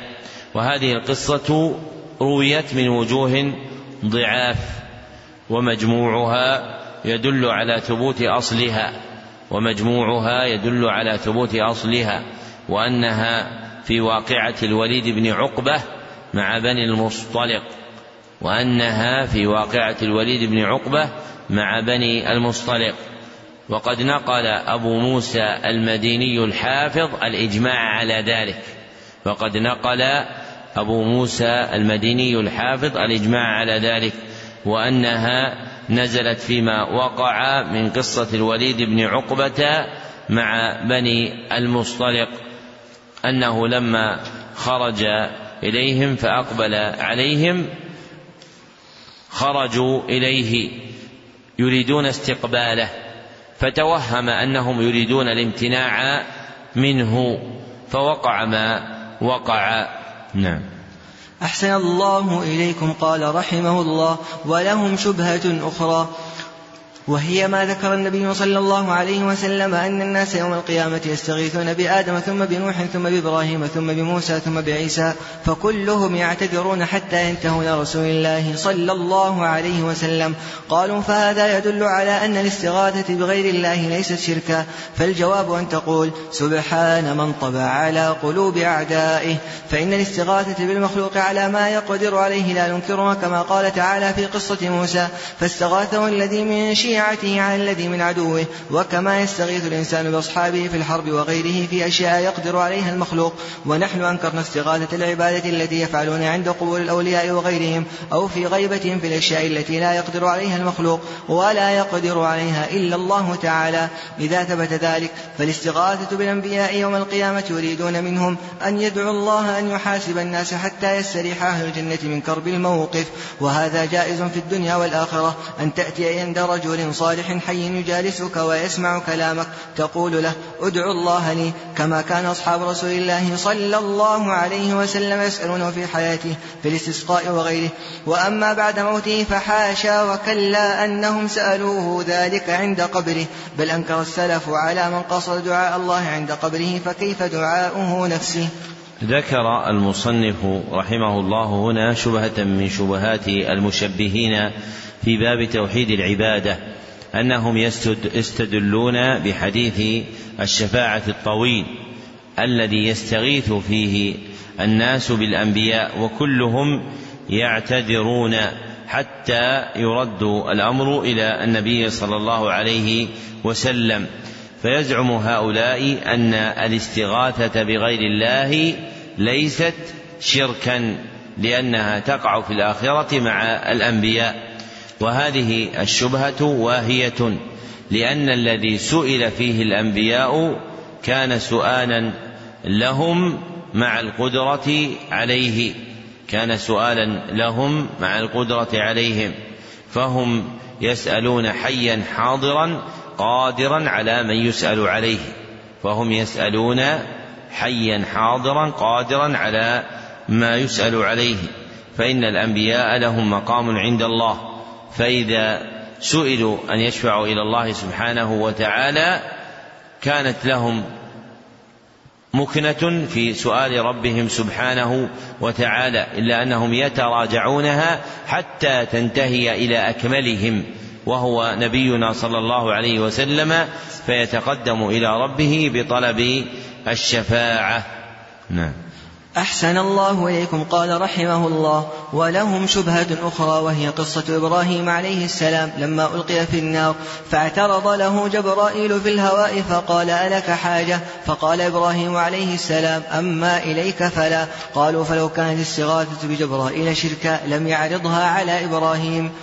فالجواب أن هذا من جنس الشبهة الأولى فإن جبرائيل عليه السلام عرض عليه أن ينفعه بأمر يقدر عليه فإنه كما قال الله تعالى فيه علمه شديد القوى فلو أذن الله له أن يأخذ نار إبراهيم وما حولها من الأرض والجبال ويلقيها في المشرق أو المغرب لفعل ولو أمره الله أن يضع إبراهيم عنه في مكان بعيد لفعل ولو أمره الله أن يرفعه إلى السماء لفعل. وهذا كرجل غني له مال كثير يرى رجلا محتاجا محتاجا فيعرض عليه أن يقرضه أو يهبه شيئا يقضي به حاجته فيأبى ذلك الرجل المحتاج أن يأخذ ويصبر حتى يأتيه الله برزق منه لا منة فيه لأحد. فأين هذا من استغاثة العبادة والشرك لو كانوا يفقهون؟ ختم المصنف رحمه الله بذكر شبهة من مقالات المبطلين في توحيد العبادة وهي استدلالهم بقصة إبراهيم عليه الصلاة والسلام لما ألقي في النار أن جبريل عرض له في الهواء فقال ألك حاجة؟ فقال إبراهيم أما إليك فلا ولو كان ذلك شركا لما عرضه جبريل. وجواب هذه الشبهة من وجهين. وجواب هذه الشبهة من وجهين. أحدهما من جهة الدراية أحدهما من جهة الرواية وهي بطلان هذه القصة. أحدهما من جهة الرواية وهو بطلان هذه القصة وأنها لا تروى من وجه صحيح وأنها لا تروى من وجه صحيح. والآخر من جهة الدراية من جهة الدراية وهي أن قول جبريل ألك حاجة؟ ليس من قبيل الاستغاثة الشركية. وهي أن قول جبريل ألك حاجة؟ ليس من قبيل الاستغاثة الشركية لأن جبريل كان حيا حاضرا عرض عليه ما له فيه قدرة لأن جبريل كان حيا حاضرا عرض عليه ما هو له فيه قدرة فإنه كان قادرا على نفعه. والذي ثبت في هذه الواقعة أن إبراهيم قال حينئذ ما يدل على توكله وهو حسبنا الله ونعم ونعم الوكيل. ثبت الحديث بذلك عن ابن عباس عند البخاري. فالذي اتفق قوله من إبراهيم عند رميه في النار هو قوله حسبنا الله ونعم الوكيل. نعم. أحسن الله إليكم قال رحمه الله. ولنختم الكتاب بذكر مسألة عظيمة مهمة تفهم مما تقدم ولكن نفرد لها الكلام لعظم شأنها ولكثرة الغلط فيها فنقول لا خلاف أن التوحيد لا بد أن يكون بالقلب واللسان والعمل فإن اختل شيء من هذا لم يكن الرجل مسلما فإن عرف التوحيد ولم يعمل به فهو كافر معاند كفرعون وإبليس وأمثالهما وهذا يغلط فيه كثير من الناس يقولون هذا حق ونحن نفهم هذا ونشهد أنه الحق ولكن لا نقدر على أن نفعله ولا يجوز عند أهل بلدنا إلا من وافقهم وغير ذلك من الأعذار. ولم يعرف المسكين أن غالب أئمة الكفر يعرفون الحق ولم يتركوه إلا لشيء من الأعذار. كما قال تعالى اشتروا بآيات الله ثمنا قليلا وغير ذلك من الآيات. كقوله يعرفونه كما يعرفون أبناءهم. فإن عمل بالتوحيد عملا ظاهرا وهو لا يفهم ولا يعتقد بقلبه فهو منافق وهو شر من الكافر الخالص. كما قال تعالى إن المنافقين في الدرك الأسفل من النار. وهذه مسألة كبيرة طويلة تبين لك إذا تأملتها في ألسنة الناس. ترى من يعرف الحق ويترك العمل به لخوف لخوف نقص دنياه أو جاهه أو ملكه أو مداراه وترى من يعمل به ظاهرا لا باطنا فإذا سألته عما يعتقده بقلبه إذا هو لا يعرفه. ختم المصنف رحمه الله كلامه بمسألة أشار إليها بالتعظيم ثم بين فيها أن التوحيد متعلق بثلاثة موارد هي القلب واللسان والعمل فلا يكون الرجل موحدا حتى يجتمع قلبه ولسانه وعمله بجوارحه على الإقرار بالتوحيد. أما من أقر بقلبه فقط أو أقر واعترف بالتوحيد بلسانه وفي ظاهر عمله ولم يقر في باطنه فهو زائغ على الحق فهو زائغ عن الحق. فالناس في هذا منقسمون إلى أقسام ثلاثة. فالناس في هذا منقسمون إلى أقسام ثلاثة. أولها أن يكون العبد مقرا بالتوحيد باطنا وظاهرا. أن يكون العبد مقرا بالتوحيد ظاهرا وباطنا. وهذا هو حال الموحد. وهذه هي حال الموحد. وثانيها أن يكون العبد مقرا بالتوحيد باطنا. أن يكون العبد مقرا بالتوحيد باطنا بمعرفة قلبه له بمعرفة قلبه له ولكنه لا يلتزم به في ظاهره ولكنه لا يلتزم به في ظاهره. وهذه حال الكافر وهذه حال الكافر. والقسم الثالث من يكون قلبه منطويا على الكفر. من يكون قلبه منطويا على الكفر. أما ظاهره أما ظاهره فإنه يبين منه التوحيد. أما ظاهره فإنه يبين منه التوحيد. وهذه هي حال المنافق. وهذه هي حال المنافق. ولا يقبل الله عز وجل من العبد توحيده ولا يتم له حتى يجتمع قلبه ولسانه وعمله على توحيد الله عز وجل. وهذه المسألة مبنية على اعتقاد أهل السنة والجماعة من أن الإيمان دائر على اعتقاد القلب وقول اللسان وعمل الجوارح كما تقدم بيانه مفصلا في شرح العقيدة الواسطية. نعم. أحسن الله إليكم قال رحمه الله. ولكن عليك بفهم آيتين من كتاب الله تعالى أولاهما ما تقدم وهي قوله لا تعتذروا قد كفرتم بعد إيمانكم. فإذا تحققت أن بعض الصحابة الذين غزوا الروم مع رسول الله صلى الله عليه وسلم كفروا بسبب كلمة قالوها في غزوة تبوك على وجه المزح واللعب تبين لك أن الذي يتكلم بالكفر أو يعمل به خوفا من نقص مال أو جاه أو مداراة لأحد أعظم ممن يتكلم بكلمة يمزح بها. والآية الثانية قوله تعالى من كفر بالله من بعد إيمانه إلا من أكره وقلبه مطمئن بالإيمان ولكن من شرح بالكفر صدرا. فلم يعذر الله من هؤلاء إلا من أكره مع كون قلبه مطمئنا بالإيمان. وأما غير هذا فقد كفر بعد إيمانه سواء فعله خوفا أو طمعا أو مداراة لأحد أو مشحة بوطنه أو أهله أو عشيرته أو ماله أو فعله على وجه المزح أو لغير ذلك من الأغراض إلا المكره.